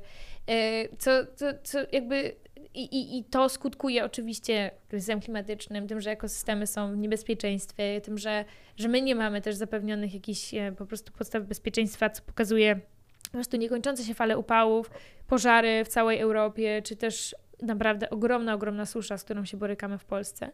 No ale jak sobie pomyślisz i sprowadzisz to tak na takiej, rozłoży się to na części pierwsze i, i sobie zdasz, zdamy sobie sprawę, że system jakby polityczny czy społeczny, w jakim żyjemy, opiera się na tym, że jakby przekraczane są granice ekosystemów, ludzi, bo chcemy uzyskać jakieś większe zyski, chcemy produkować więcej i doprowadzać do tego wzrostu gospodarczego jeszcze bardziej, do, do tego wzrostu, no to to nie jest za, zbyt odmienne od tego, że ja przekraczam swoje ludzkie granice, pracuję i zmuszam siebie do pracy ponad swoje e, jakiekolwiek możliwości, e, e, żeby osiągać jak najwięcej, czyli produkować jak najwięcej zysku dla, dla siebie czy, czy dla innych e, mhm. e, i, i, i, tworzyć i, i doprowadzać do tego jak największego rozwoju czy wzrostu, cokolwiek to oznacza.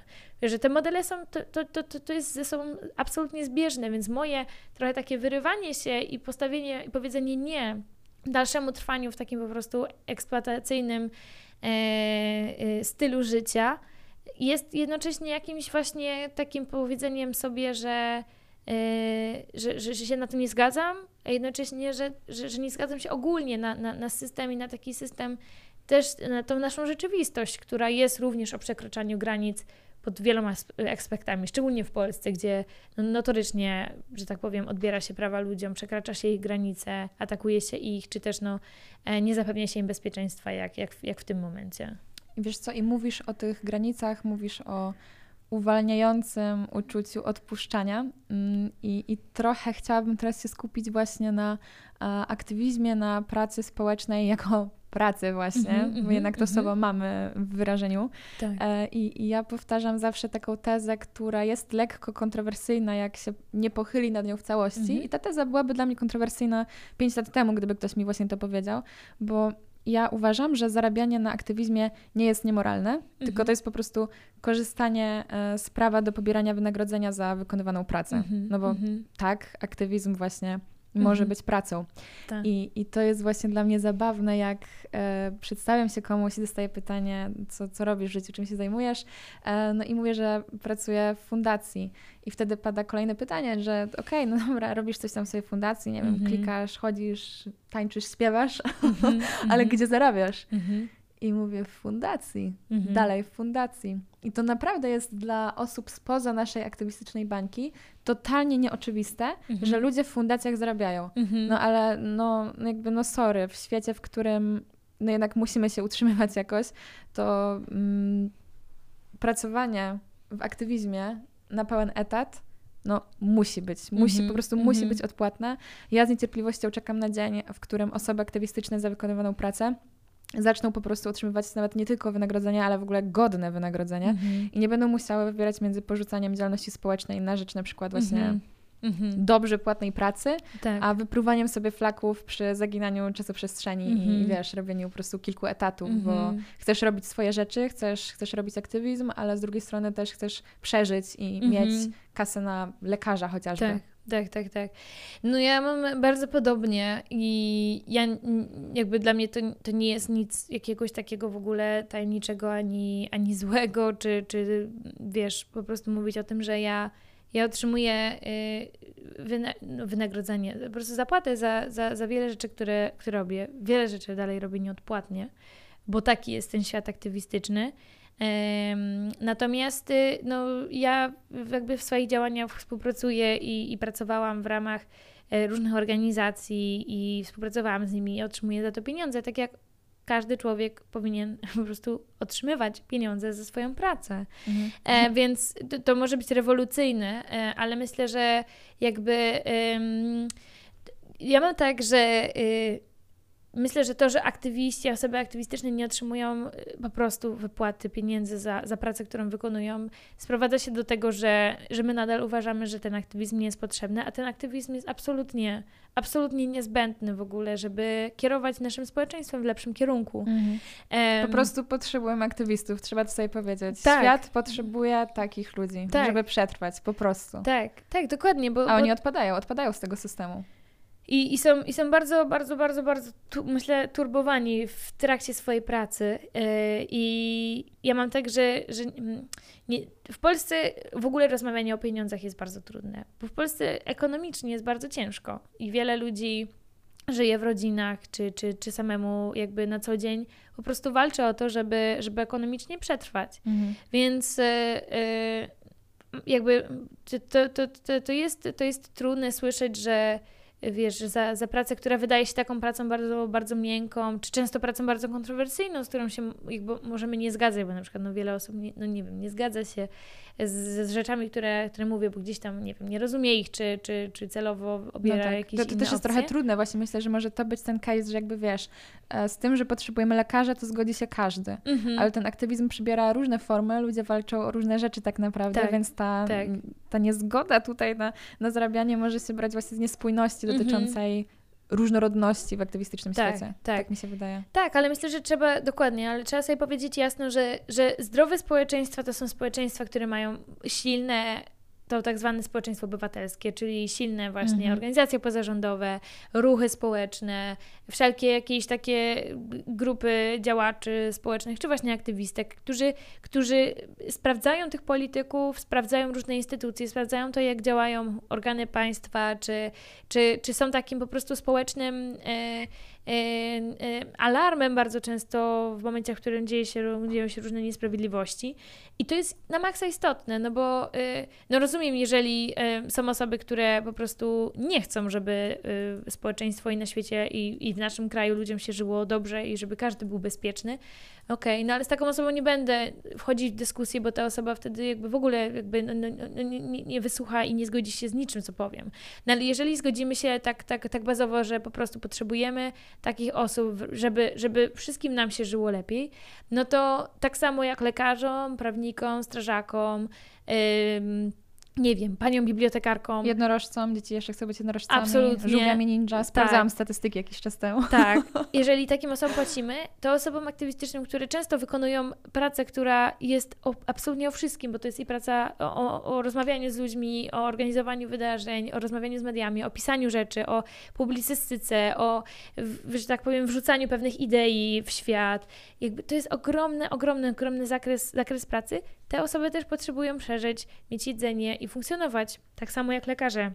Potrzebują jedzenia, potrzebują tego, żeby mieszkać w domu, żeby po swojej gdzieś tam służbie czy pracy wracać do domu, móc się przespać i potem wykonywać ten zawód dobrze mhm. każdego kolejnego dnia. Więc e, w aktywizmie jest tak samo. Myślę, że to się zmienia i... Zmienia się, powoli tak, się zmienia. Tak, i to mnie na maksa cieszy, bo myślę, że przede wszystkim, wiesz, jeżeli, jeżeli jesteśmy w stanie zapewnić lepsze e, gdzieś tam płace osobom, które wykonują takie, takie, takie, takie działania, to tych osób będzie więcej i nam wszystkim będzie po prostu lepiej. Mhm. E, tak, może też... kiedyś dzieci właśnie w szkole zapytane, kim chcą zostać dorosłą, będą mówić, że aktywistkami tak, albo aktywistami. Tak. I Bo to, to, jakby też powiedziałam właśnie to, to mhm. Ci przed rozmową, że e, w oficjalnym takim indeksie polskich specjalności i zawodów jest właśnie profesjonalny działacz organizacji mhm, pozarządowej. Mhm, no więc w sumie, dobra, to jest, to jest jakaś tam stutysięczna pozycja, więc rozumiem, dlaczego ludzie mogli nie wiedzieć, że zarabiam w fundacji, ale still. Można, legalnie. Tak, szczególnie też, że, że wiesz, ja też czasami mam tak, że jakby nikt nie, znaczy może dobra, nie nikt, ale często nie kwestionujemy tego, że inne osoby dostają pieniądze w tym kraju za swoją pracę i, i przechodzimy o tym obojętnie. Na przykład, nie wiem, wiesz, prezes... Yy, Polskiej Grupy Energetycznej. Uch, i to Wojciech pieniądze? Dąbrowski, tak. Daniel Obajtek, PKN Orlen. To są osoby na co dzień, które pracują w spółkach paliwowych, spółkach węglowych w naszym kraju, które to spółki w tym momencie nie dość, że nie zapewniają ludziom e, bezpieczeństwa energetycznego, prądu i ciepła na zimę, bo, bo nie mamy takiego bezpieczeństwa, to jednocześnie zarabiają horrendalne sumy i, i, i, i, i po prostu zbijają ogromną, ogromną fortunę na, pa, na, przemyśle, na przemyśle paliw kopalnych, który, który jest z zasady niebezpieczny i z zasady yy, jakby zły dla nas wszystkich, bo tworzy nam kryzys klimatyczny i Mhm. odbiera nam bezpieczeństwo i opiera się na eksploatowaniu y, ekosystemów, ludzi i tak dalej. No i te osoby zarabiają te pieniądze. I mam tak, że no, no czy na co dzień, jak słyszymy o, o prezesie PGE, to zadają pytanie, dlaczego on zarabia pieniądze? No, no nie. Może powinniśmy mieć takie teraz rozmowy, szczególnie, że, że e, ci prezesi spółek paliwowych są, e, jak się okazuje teraz według doniesieniu wirtualnej Polski, w klubie e, nowo wyrosłych milionerów, właśnie, które, których politycy gdzieś tam sobie wychowali przez ostatnie lata, gdzieś tam prowadząc różne no, nie, nie w porządku e, działania w ramach spółek Skarbu Państwa. To słuchaj, zapraszamy ich do kolejnego odcinka. Zrobimy sobie. Ja myślę, że niech, Mamy tutaj dwa wolne usiądą. miejsca, także Tak. to by była ciekawa dyskusja. Daniel Wajtek i Wojciech Dąbrowski, to ja bym... Panowie, ja bym... jeśli nas słuchacie, chociaż szczerze wątpię, O, wie- wiesz co jest tak, że, że i mnie na Twitterze na przykład śledzą osoby y, z, z Orlenu, z różnych y, ich y, działów, e, więc... i pewnie ich fake konta też, wiesz, żeby mogli sobie ułożyć w niektórych Tak, komentarzach. do, domyślam się, domyślam się że, że są tam, że widzą. E, no i, ale wiesz, w sensie, że, że często jest patrzy. tak, że, że osoby, które naprawdę szkodzą naszemu społeczeństwu, zarabiają ogromne pieniądze i nie kwestionujemy tego. Powinniśmy to kwestionować, uważam, że absolutnie. No, ten klub milionerów, który się teraz wytworzył, to jest dla mnie absolutnie e, jakoś skandaliczne, że, że okazuje się, że po prostu w naszym kraju rządzi mafia kopalniana, która po prostu ma swoje gdzieś tam jakieś e, ręce i w rządzie, i w spółkach Skarbu Państwa, które są naszymi spółkami, w sensie spółkami naszego narodu, e, które, które, których celem powinno być zapewnienie nam bezpieczeństwa, a nie jedynie wyciąganie pieniędzy do prywatnych kieszeni. A tak się niestety dzieje. Stąd też uważam, że, że, że tym bardziej, jeżeli wiemy, że dzieją się takie, takie niesprawiedliwości, to, to, to, to te działania aktywistek, aktywistów powinny być, nabierać zupełnie innego wymiaru i, i być po prostu opłacane, bo, bo to naprawdę nam się przydaje. Teraz skupialiśmy się na kieszeniach obcych ludzi e, i to było fajne, ale chciałabym się skupić z powrotem trochę na naszych własnych kieszeniach, właśnie Mm. też w kontekście zarabiania na, na aktywizmie. Mm. I u mnie to na przykład było tak, że ja, ja sama miałam w sobie niezgodę na to, że ja mam dostać za coś pieniądze. Dla mnie to nie było oczywiste na początku. I to, czego wydaje mi się nie słyszą osoby, które wchodzą w świat aktywizmu, a co powinny usłyszeć, to są właśnie jakieś takie rzeczy po prostu oddalające od wypalenia aktywistycznego Mhm. i, i rzeczy, które pomagają dbać po prostu o zdrowie psychiczne, bo ja nie wiem, na przykład nie umiałam stawiać granic właśnie, nie umiałam odmawiać. Mi się wydawało, że jak ja powiem komuś nie, to, to że ja będę jakąś najgorszą świnią na świecie, że jakby, Mhm. wiesz, ktoś mnie Mhm. prosi o pomoc i co, ja mam mu powiedzieć, że nie? No właśnie czasem tak, czasem jak po prostu już nie masz kolejnej godziny w ciągu dnia, no to warto asertywnie powiedzieć, że dziękuję Mhm. za propozycję, bardzo mi Mhm. miło, ale po prostu nie jestem w stanie poświęcić już więcej zasobów, bo nie mam takiej przestrzeni. Nawet jeśli jakieś te zobowiązania, o których mówimy, że je mamy, to są zobowiązania wobec samego siebie, że po prostu będę odpoczywać, bo, bo tego Mhm. też potrzebuję. I, I ja się tego wszystkiego musiałam nauczyć, że właśnie nie wiem, na przykład mamy dwie ręce i to mi Mhm. powiedziała Natalia Sarata z Regeneracji, co tak mi totalnie utkwiło w głowie, e, że właśnie jedna ręka jest do tego, żeby dawać, to jest Mhm. ręka dawcy, a druga ręka to jest ręka biorcy, Mhm. żeby brać dla siebie. I to jest taka symbioza, wiesz, biorę, daję, biorę, daję, biorę, tak, daję. tak. I w pewnym momencie, jeśli na przykład ja bym nic nie brała dla siebie i tylko z siebie dawała, to nagle nie byłoby z czego dawać. No bo już tych zasobów bym nie miała. I, I to jest trochę też tak jak z tą metaforą samolotową, która wszędzie jest zawsze Mhm. powtarzana, Mhm. że no komu zakładasz najpierw maskę? Mhm. Dziecku czy sobie? Mhm. Sobie. A potem dziecku. I, I z aktywizmem jest tak samo, mi się wydaje, że e, jakkolwiek egoistycznie to brzmi, jakkolwiek właśnie Mhm. dziewięcioletnia Julka powiedziałaby, ale jak to, jak to? Przecież Mhm. aktywizm, nie, tu, tu nie ma miejsca na egoizm. Mhm. trochę tego miejsca powinno być na taki właśnie Mhm. zdrowy egoizm i, i dbanie o siebie. I dlatego do tematu tabu, którym były pieniądze, teraz dorzucam kolejny temat Mhm. tabu, czyli właśnie to zdrowie psychiczne i Mm. jak się trzymasz ty, jako aktywistka, która e, nie wiem, czy była przy granicy wypalenia, nie wiem, czy na przykład ją przeszła, Mhm. ale myślę, że może być bardzo zagrożona tym. Mm. Myślę, że yy, myślę, że jestem. Yy, wybrałabym tą trzecią opcję, że jestem bardzo zagrożona wypaleniem. E, I jestem przy granicy, ale, ale też jestem świadoma tego. E, Więc, Okej, to e, jest ważne. więc myślę, że przez ostatnie miesiące, e, no od początku wojny, dla mnie, jak, jak sobie w ogóle myślę o tych początkach wojny, ja trochę tak nie wiem, co się działo wtedy, bo dla mnie to był taki jeden, taki po prostu taki chaos i takie po prostu wszystko, wszystko naraz, wszystko naraz. I więc nie pamiętam dokładnie, co się działo, ale wiem, że było intensywnie i, i, i tak naprawdę od momentu, w którym to, to wszystko się zaczęło, to ja tak działałam trochę tak 24 na 7 bez ustanku i jednocześnie też przeżywając bardzo, bardzo silnie te wszystkie wydarzenia i, e, i po prostu płacząc w randomowych miejscach i, i, i załamując się też bardzo często taką, może nie bezsilnością, ale takim kompletnym jakby niedowierzaniem, że, że dzieje się taka wojna dosłownie w 2022 roku, Mhm. pomimo wszystkich tych obietnic o tym, że nigdy więcej wojny, że Europa to jest po prostu y, wspólnota pokoju, demokracji, bla, bla, bla. Tak naprawdę okazało się, że to jest po prostu wspólnota, która współpracuje z dyktatorami z różnych części świata, w tym z Putinem, który później dokonał tej inwazji na skutek narzędzi, które mu e, Unia Europejska dostarczała, e, finansowych. No więc mam tak, że ja, ja, ja miałam tak, że ja bardzo, bardzo to przeżywałam, i, ale w, totalnie wepchnęłam się w wir działania, żeby, żeby poradzić sobie chyba z, tym, z tą rozpaczą. No i, e, i to tak trwało parę miesięcy i dopiero w lipcu tak naprawdę, czyli to mówimy co, to jest no, prawie pół roku od, od, od, od takiego y, gdzieś tam wiru tych działań, który był naprawdę bardzo intensywny. Ja zderzyłam się z, przede wszystkim z tym, że już fizycznie nie byłam w stanie nic robić. W takim sensie, że po prostu wróciłam, wróciłyśmy na początku lipca wraz z Wiktorią Druszkowiak z, ze Strasburga, z Parlamentu Europejskiego, w którym było takie, takie, takie duże, duże głosowanie nad taksonomią, czyli takimi unijnymi rozpiskami tego, czym są dobre inwestycje, a czym nie są. Tam oczywiście nastąpił po prostu wielki skandal, bo gaz, który jest paliwem kopalnym, uznano za, za dobre, zielone i zrównoważone źródło energii. Więc oczywiście wielki polityczny bullshit, przypieczętowany po prostu e, Jerzym Błuskiem, który, który próbuje nas wszystkich przekonać, że, że to jest okej.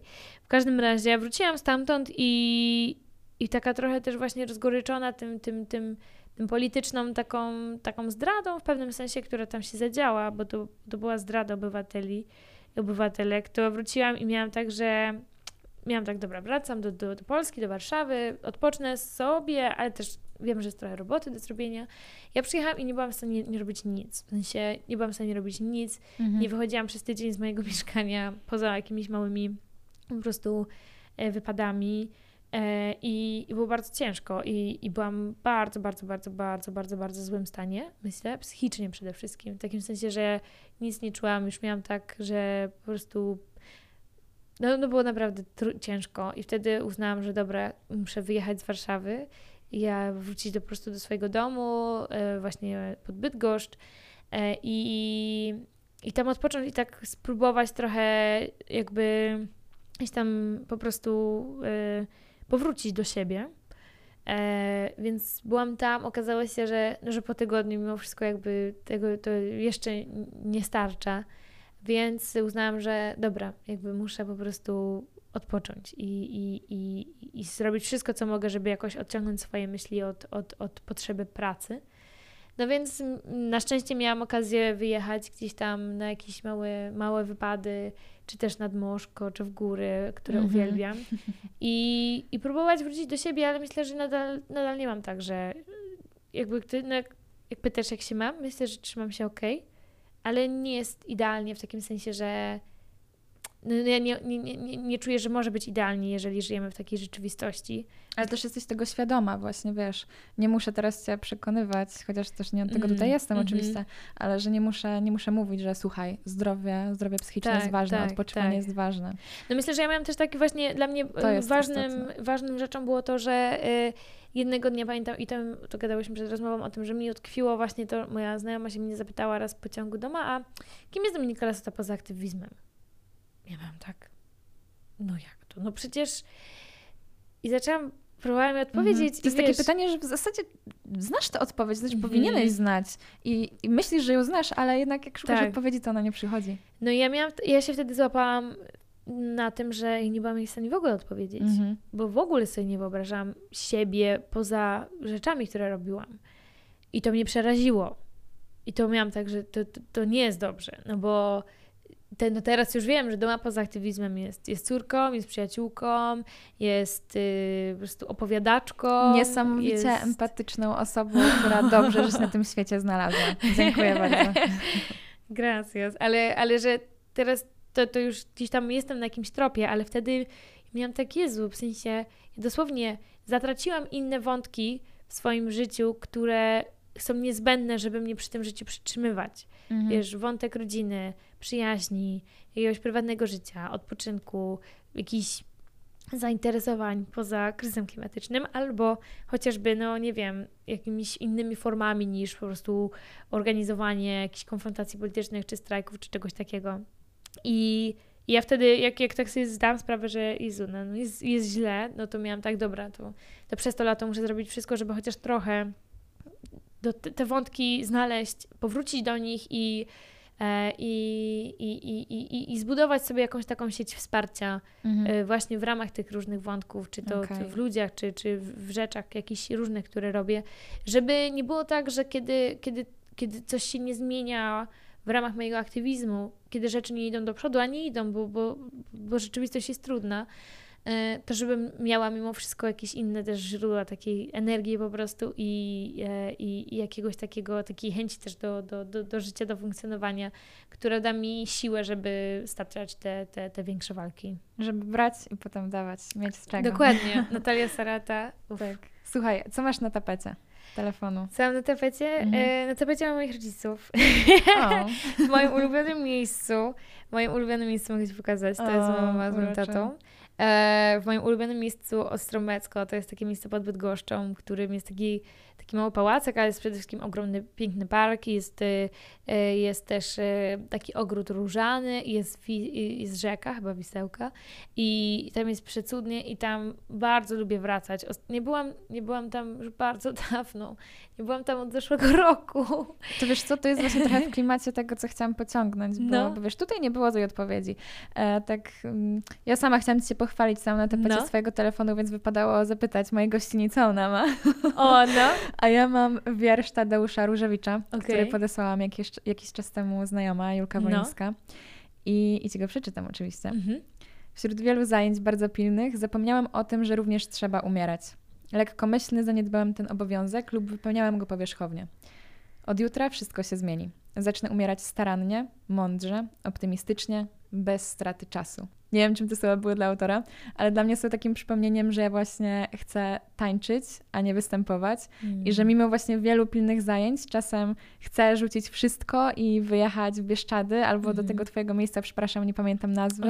Ostromecko, Mhm. Os- do, do właśnie, nie- nawet nie w Bieszczady, ale do tego Ostromecka, Mhm. że, że po prostu chcę przysypiać na hamaku w sobotnie Mhm. popołudnie i że to jest cholernie ważne, żeby właśnie odpoczywać, regenerować się, być uważnym na swoje potrzeby i po prostu się w nie e, wsłuchiwać.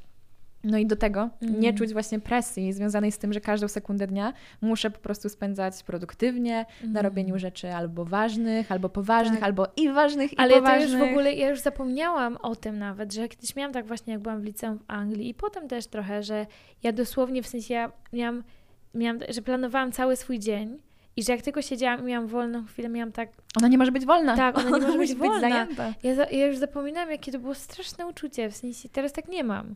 Ja Oczywiście, też jestem wiesz, za to mam mega tak, wdzięczna, wiesz, bo mam, czuję, że umieram właśnie mądrze, optymistycznie i bez straty czasu Mhm. za Różewiczem. Tak, że no wiadomo, że, że, że dużo robię i mam nie, wiem, spotkania, czy pewnie obie mamy spotkania i tak dalej, ale, ale już nie mam tak, że nie, nie jestem więźniem, więźniarką tego, tego czasu mojego Mhm. i, i, i, i, i więźniem jakichś takich po prostu chorych oczekiwań, schematów czy, czy, czy, czy presji, która nie ma, nie ma nic związanego z moim jakimś bezpieczeństwem i dobrostanem. Ale piękny wiersz, muszę powiedzieć. Ja nie myślałam o tym, że, że nie, opatrzeniu w, w, na, na to, co robię w perspektywie umierania, ale myślę, że to jest jakiś... Ale wiesz co, tu też to umieranie jest właśnie osadzone w takim kontekście nie strachu, bo ludzie Mhm, bardzo się boją mhm, śmierci, mhm. tylko właśnie takiego patrzenia na to, co jest tu i teraz. I wiem, że Mhm. to brzmi trochę, wiesz, jak takie carpe diem i chwytaj dzień, ale ja naprawdę z każdą sekundą, myśląc o Mhm. tej sekundzie, Mhm. myślę o niej właśnie, że ona jest moją taką ostatnią sekundą, ale nie w perspektywie tego, że ja dlatego muszę napieprzeć. Chciałam Mhm. użyć gorszego słowa, ale mam że ja po prostu, wiesz, będę cisnąć i robić, Mhm. tylko że ja doceniam. Doceniam Mm. to, że jestem tu, teraz. Jest Mhm. właśnie to słońce, przy którym przysypiam na hamaku, o którym Mhm. mówiłam.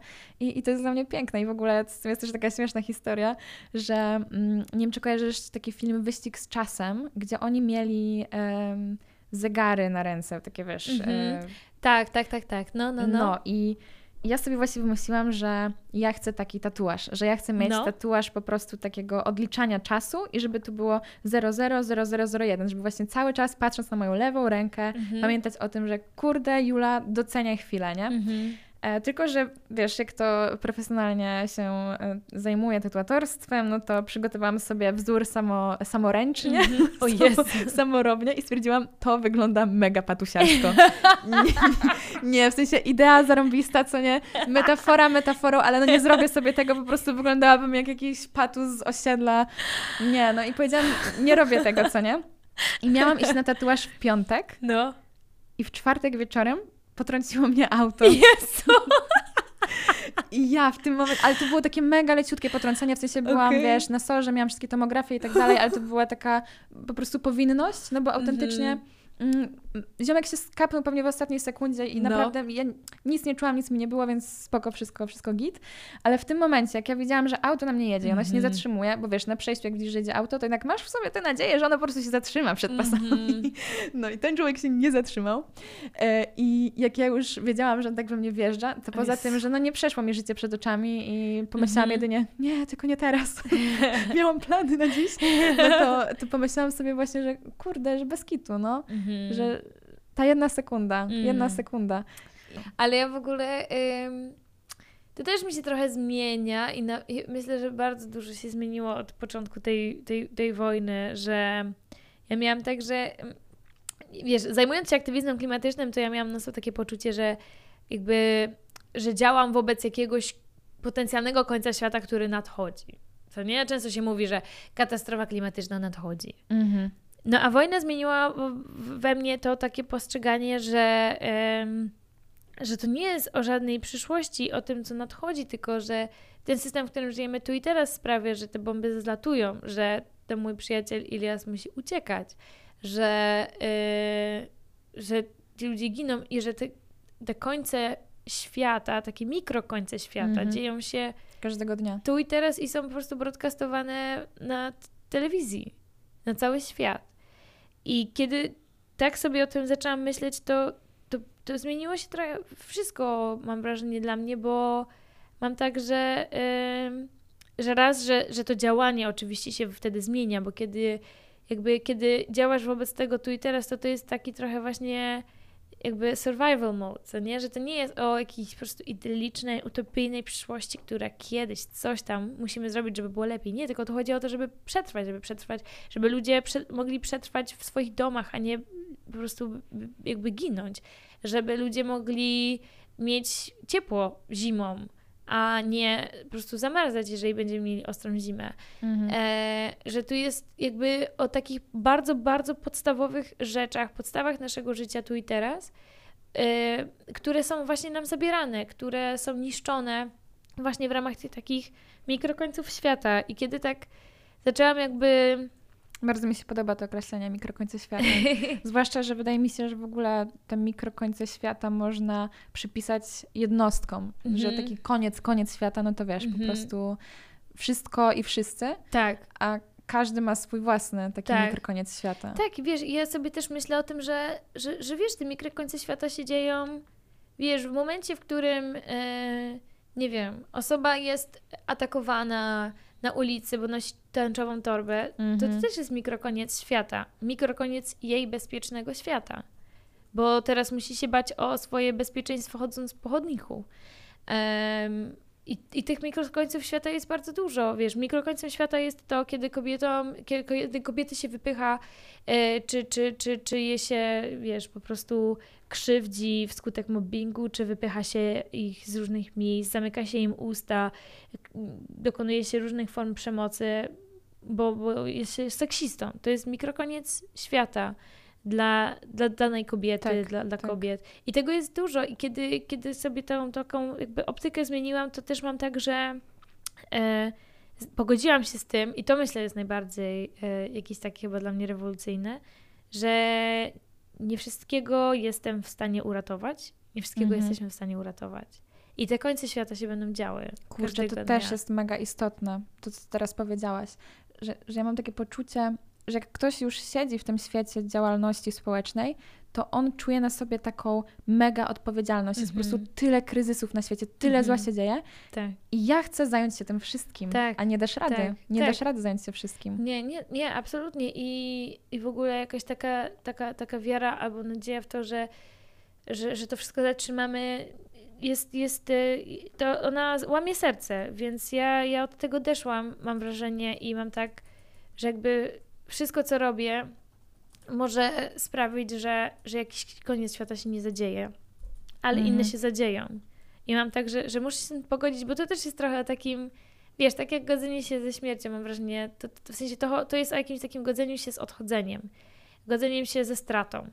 Czy to z Twoją osobistą, czy, czy właśnie stratą jakiegoś, jakiegoś świata, że, że, że, że, że to jest przykre i to jest smutne i mhm. że trzeba też się nad tym po prostu pochylić i, i płakać, kiedy, kiedy potrzeba, kiedy jest moment. Ale też właśnie y, to sprawiło, że ja mam taką wiarę, że, że jeszcze mnóstwo możemy uratować. I to mnie trzyma. I wiesz, kiedy mhm. jakby wychodzę z punktu takiego tak. tej nadziei i tej wiary w to, że jeszcze naprawdę jest dużo do zatrzymania, tych, tych, tych mikrokońców świata do zatrzymania, a nie z pozycji strachu, czy uda mi się zrobić wszystko, to, to jest zupełnie inne to działanie. wiele zmienia. Ty kiedyś nie wierzyłaś, że możesz coś zmienić. Dziś właśnie jesteś pełna nadziei i mówisz, że nadzieja to jest wybór. Mhm. To nie jest coś, co ktoś może ci dać. Mm. Mówisz, że nadzieja jest w działaniu. Nadzieja mhm. jest działaniem i mi się to bardzo, bardzo podoba. Mhm. E, też myślę, że ze względu na to, że ja często słyszałam, że mam w sobie takie nieskończone pokłady dziecięcej naiwności mm. i trochę mhm. dla mnie to była i jest właśnie nadzieja. Nadzieja, dzięki której widząc niesprawiedliwość w świecie, ja po prostu realnie mogę być zmianą, którą chciałabym w tym świecie zobaczyć. Dzięki nadziei właśnie. Mm, I ogólnie e, tak się wczytywałam w psychologię aktywizmu i doczytałam, że warto zaczynać od nadziei. Mhm. Że trudne emocje, takie jak gniew, złość czy lęk, mogą być, wiesz, takim solidnym starter packiem motywacji do działania na rzecz zmiany, mhm. e, ale jeśli to zaangażowanie ma się utrzymać po prostu przez jakiś dłuższy czas, to konieczne są emocje bardziej pozytywne, właśnie jak mhm. na przykład nadzieja. E, no i mówi się, że wszystko wydaje się na zawsze, aż przestaje takim być. Te słowa też bardzo, bardzo lubię, bo my musimy być po prostu w stanie wyobrazić sobie, że porządek społeczny może być inny. Mhm. I wtedy ta nadzieja właśnie sprawi, że chętnie zaangażujemy się e, w jakieś działania mające go zmienić. Mhm. I, I, ja dzisiaj chciałabym zapytać Dominiki Lasoty, mhm. tej pełnej nadziei dziewczyny, w mhm. jakim świecie chce żyć? I wiesz, nie, nie, mówię tutaj w zasadzie wyłącznie o neutralności klimatycznej, czy właśnie o jakichkolwiek takich tak, a w ogóle dla kryzysach to, tego typu. To, to, to, wyrażenie neutralność klimatyczna za mało, mało, mało, mało, nie wiem, mało znaczy. Um, ja bym chciała żyć w świecie e, bez paliw kopalnych, to tak na początek, mhm. bo, bo to, to, jest, to jest trochę jak broń, w sensie jest, jest y, no może nie, to nie jest dobre określenie. To może jeszcze raz. Ja bym chciała żyć w, w świecie pozbawionym paliw kopalnych, bo, bo po prostu to jest dla nas ogromne, ogromne zagrożenie. Widzimy, jak ten system już teraz prowadzi do, do wojen, do wspierania dyktatur, czy do tworzenia nam kryzysu klimatycznego, a przez to po prostu zagraża naszemu bezpieczeństwu. Chciałabym żyć w świecie, w którym polityka jest, jest, jest, jest po coś, pełni swoją rolę, służy obywatelom i służy zapewnieniu im bezpieczeństwa, a nie jest po prostu machiną do zbijania jakichś własnych e, zysków i, i, interesów, bo niestety w tym momencie jest właśnie po to. Um, ale chciałabym też żyć w świecie, w którym po prostu mogę spędzać czas z moimi znajomymi, z moją rodziną, że mogę pisać, mogę tworzyć różne rzeczy, mogę spotykać się z ludźmi i nie żyć w strachu. Mhm. I że mogę y, funkcjonować y, tak, jak, tak jak czuję, że mogę mieć zapewnione własne potrzeby, a inne osoby będą miały zapewnione ich potrzeby i, i nikt nie będzie pozostawiony w tyle i nikt nie będzie musiał właśnie mierzyć się z jakimiś właśnie e, swoimi końcami swojego świata. E, no i nie wiem, ja chyba ja właśnie mam taki jakiś bardzo. Ja, ja ten swój, swój idealny świat widzę tak bardzo prosto, że tam jest mniej krzyku, mniej smutku, e, więcej jeżdżenia nad Moszko, które nie jest pochłaniane. mówisz, Moszko. Tak. A to nie ja, akurat to Zofia Krajewska, moja Okej. bardzo, bardzo kochana znajoma to wymyśliła, ja mi się to bardzo spodobało. Więc więcej jeżdżenia w góry, cieszenie się tą, tą naturą, która nie znika, która nie jest niszczona, a, a może być chroniona, może być zaopiekowana, zatroszczona. Tak samo jak ludzie, którzy mogą być zaopiekowani, zatroszczeni w swoim miejscu pracy, w szkołach, w uniwersytetach, gdziekolwiek funkcjonują, że, że, że te ich podstawy są te, te ich podstawowe prawa, ten ich szacunek to bezpieczeństwo, nieważne kim są, kogo kochają i, i jaką mają historię, jaki mają background, że, że, że, że, że wszyscy gdzieś tam mamy, możemy liczyć i, i mamy zapewnione y, podstawy po prostu takiego zwykłego, dobrego życia. Mhm. Ja nie, nie widzę swojego świata w jakichś mega po prostu nie wiadomo jak kolorowych, ekscytujących, filmowych, hollywoodzkich y, vibach. Y, to, to nie, rozwiązaniem nie są jakieś szalone technologie, które spadną z kosmosu. Myślę, że rozwiązania są bardzo, bardzo proste i są w takim po prostu codziennych naszych e, relacjach, e, wartościach, priorytetach i, i takich właśnie o tym, tych, tym poszanowaniu własnych granic, granic ekosystemów i, i no, w jakimś takim spokoju. Więc chyba tak, mój świat Piękne jest taki marzenie. zwykły, ale, ale niezwykły. Dobre Warty, warty walki. Zwykły, ale niezwykły. To jest, to jest dobre podsumowanie takiej codzienności. E, I wiesz co, Dominika, ja tak siedząc tutaj, słuchając Cię, rozmawiając z Tobą, patrząc na Ciebie, w końcu po tym covidzie i lockdownie, tak. to przypominam sobie, Mm. jak w 2020 roku Mhm. Ty mówiłaś, że właśnie kurczę, jeszcze nie wiem jak to rozegram, że chcę zająć się aktywizmem, ale te studia, Mhm. nie wiem co robić i, Mm. i tak kminiłaś właśnie, czy iść, czy nie iść, w którym kierunku w ogóle Mhm. się udać. E, I, I cieszę się, że w 2022 roku Mm. ja piszę SMS-a do mojego taty, że słuchaj, moja znajoma będzie w telewizji, ja nie mam telewizora, więc weź mi nagraj i podeślij, co? I ja po prostu jestem mega dumna z tego, z tego co robisz. Bardzo się Mm. cieszę, że ta rozmowa w ogóle mogła się odbyć, bo tak trochę egoistycznie Mm. nagrywam ją dla siebie sprzed kilku lat. Mhm. Bo rozmawiamy o rzeczach, których ja nie usłyszałam wtedy, Mhm. Mhm. a myślę, że gdybym je usłyszała, to moja Mm. aktywistyczna ścieżka by się potoczyła Mm. trochę inaczej. Strasznie mi miło. Miło by mi było wrócić też do Dominiki sprzed lat, e, bo Trochę ja... wróciłyśmy dzisiaj. Tak, Ona w ogóle tak. też gdzieś tam siedzi teraz wciąż. Ona, ona tutaj bardzo siedzi, ona w ogóle jest taka, że ona zawsze ze mną jest, jak robi jakieś cool rzeczy, bo myślę, że ona by się na maksa ekscytowała. Ja mam, mam kuzynkę dziesięcioletnią, która mierzy się z podobnymi problemami, więc Mhm. czasami sobie wyobrażam, że, że może widzi trochę to, co robię i może ciut też jest jej lepiej, wiedząc, że to nie jest tak, że po prostu musi być otoczona po tłumem znajomych, żeby, żeby być. Em, No, fajnie było się spotkać z moją, z, z tą Dominiką też, e, bo czasami e, tak, zapominam o niej. I fajnie było się spotkać z Tobą. Bardzo Ci dziękuję. Było mi strasznie, strasznie miło i bardzo tego też potrzebowałam. I bardzo się cieszę, że pomimo takiej długiej przerwy w e, widzeniu się na żywo możemy się spotkać i i jakby tej przerwy nie było. Si, exacto. Tak na sam koniec chciałam Cię właśnie zapytać tradycyjnie, co byś powiedziała światu teraz, gdyby Cię słuchał? Znaczy i tak świat Cię już słucha, ale wiesz, tutaj taka mini szansa, tak jak mamy mini końce świata, tak daję Ci Mhm. mini szansę. Ja myślę, że e, jest jeszcze wiele do, do zrobienia, do uratowania i, e, i, i, i chyba tyle, bo myślę, że Mhm. mierzymy się z taką ilością kryzysów jak, jak nigdy. E, I bardzo łatwo jest wpaść w takie mm, w, taki, taką, taką beznadzieję. To jest naturalne, na bezsilność. Totalnie to rozumiem. Ale potrzebujemy tego, żeby ludzie wiedzieli i wierzyli w to, że jest jeszcze dużo do zrobienia, bo jest.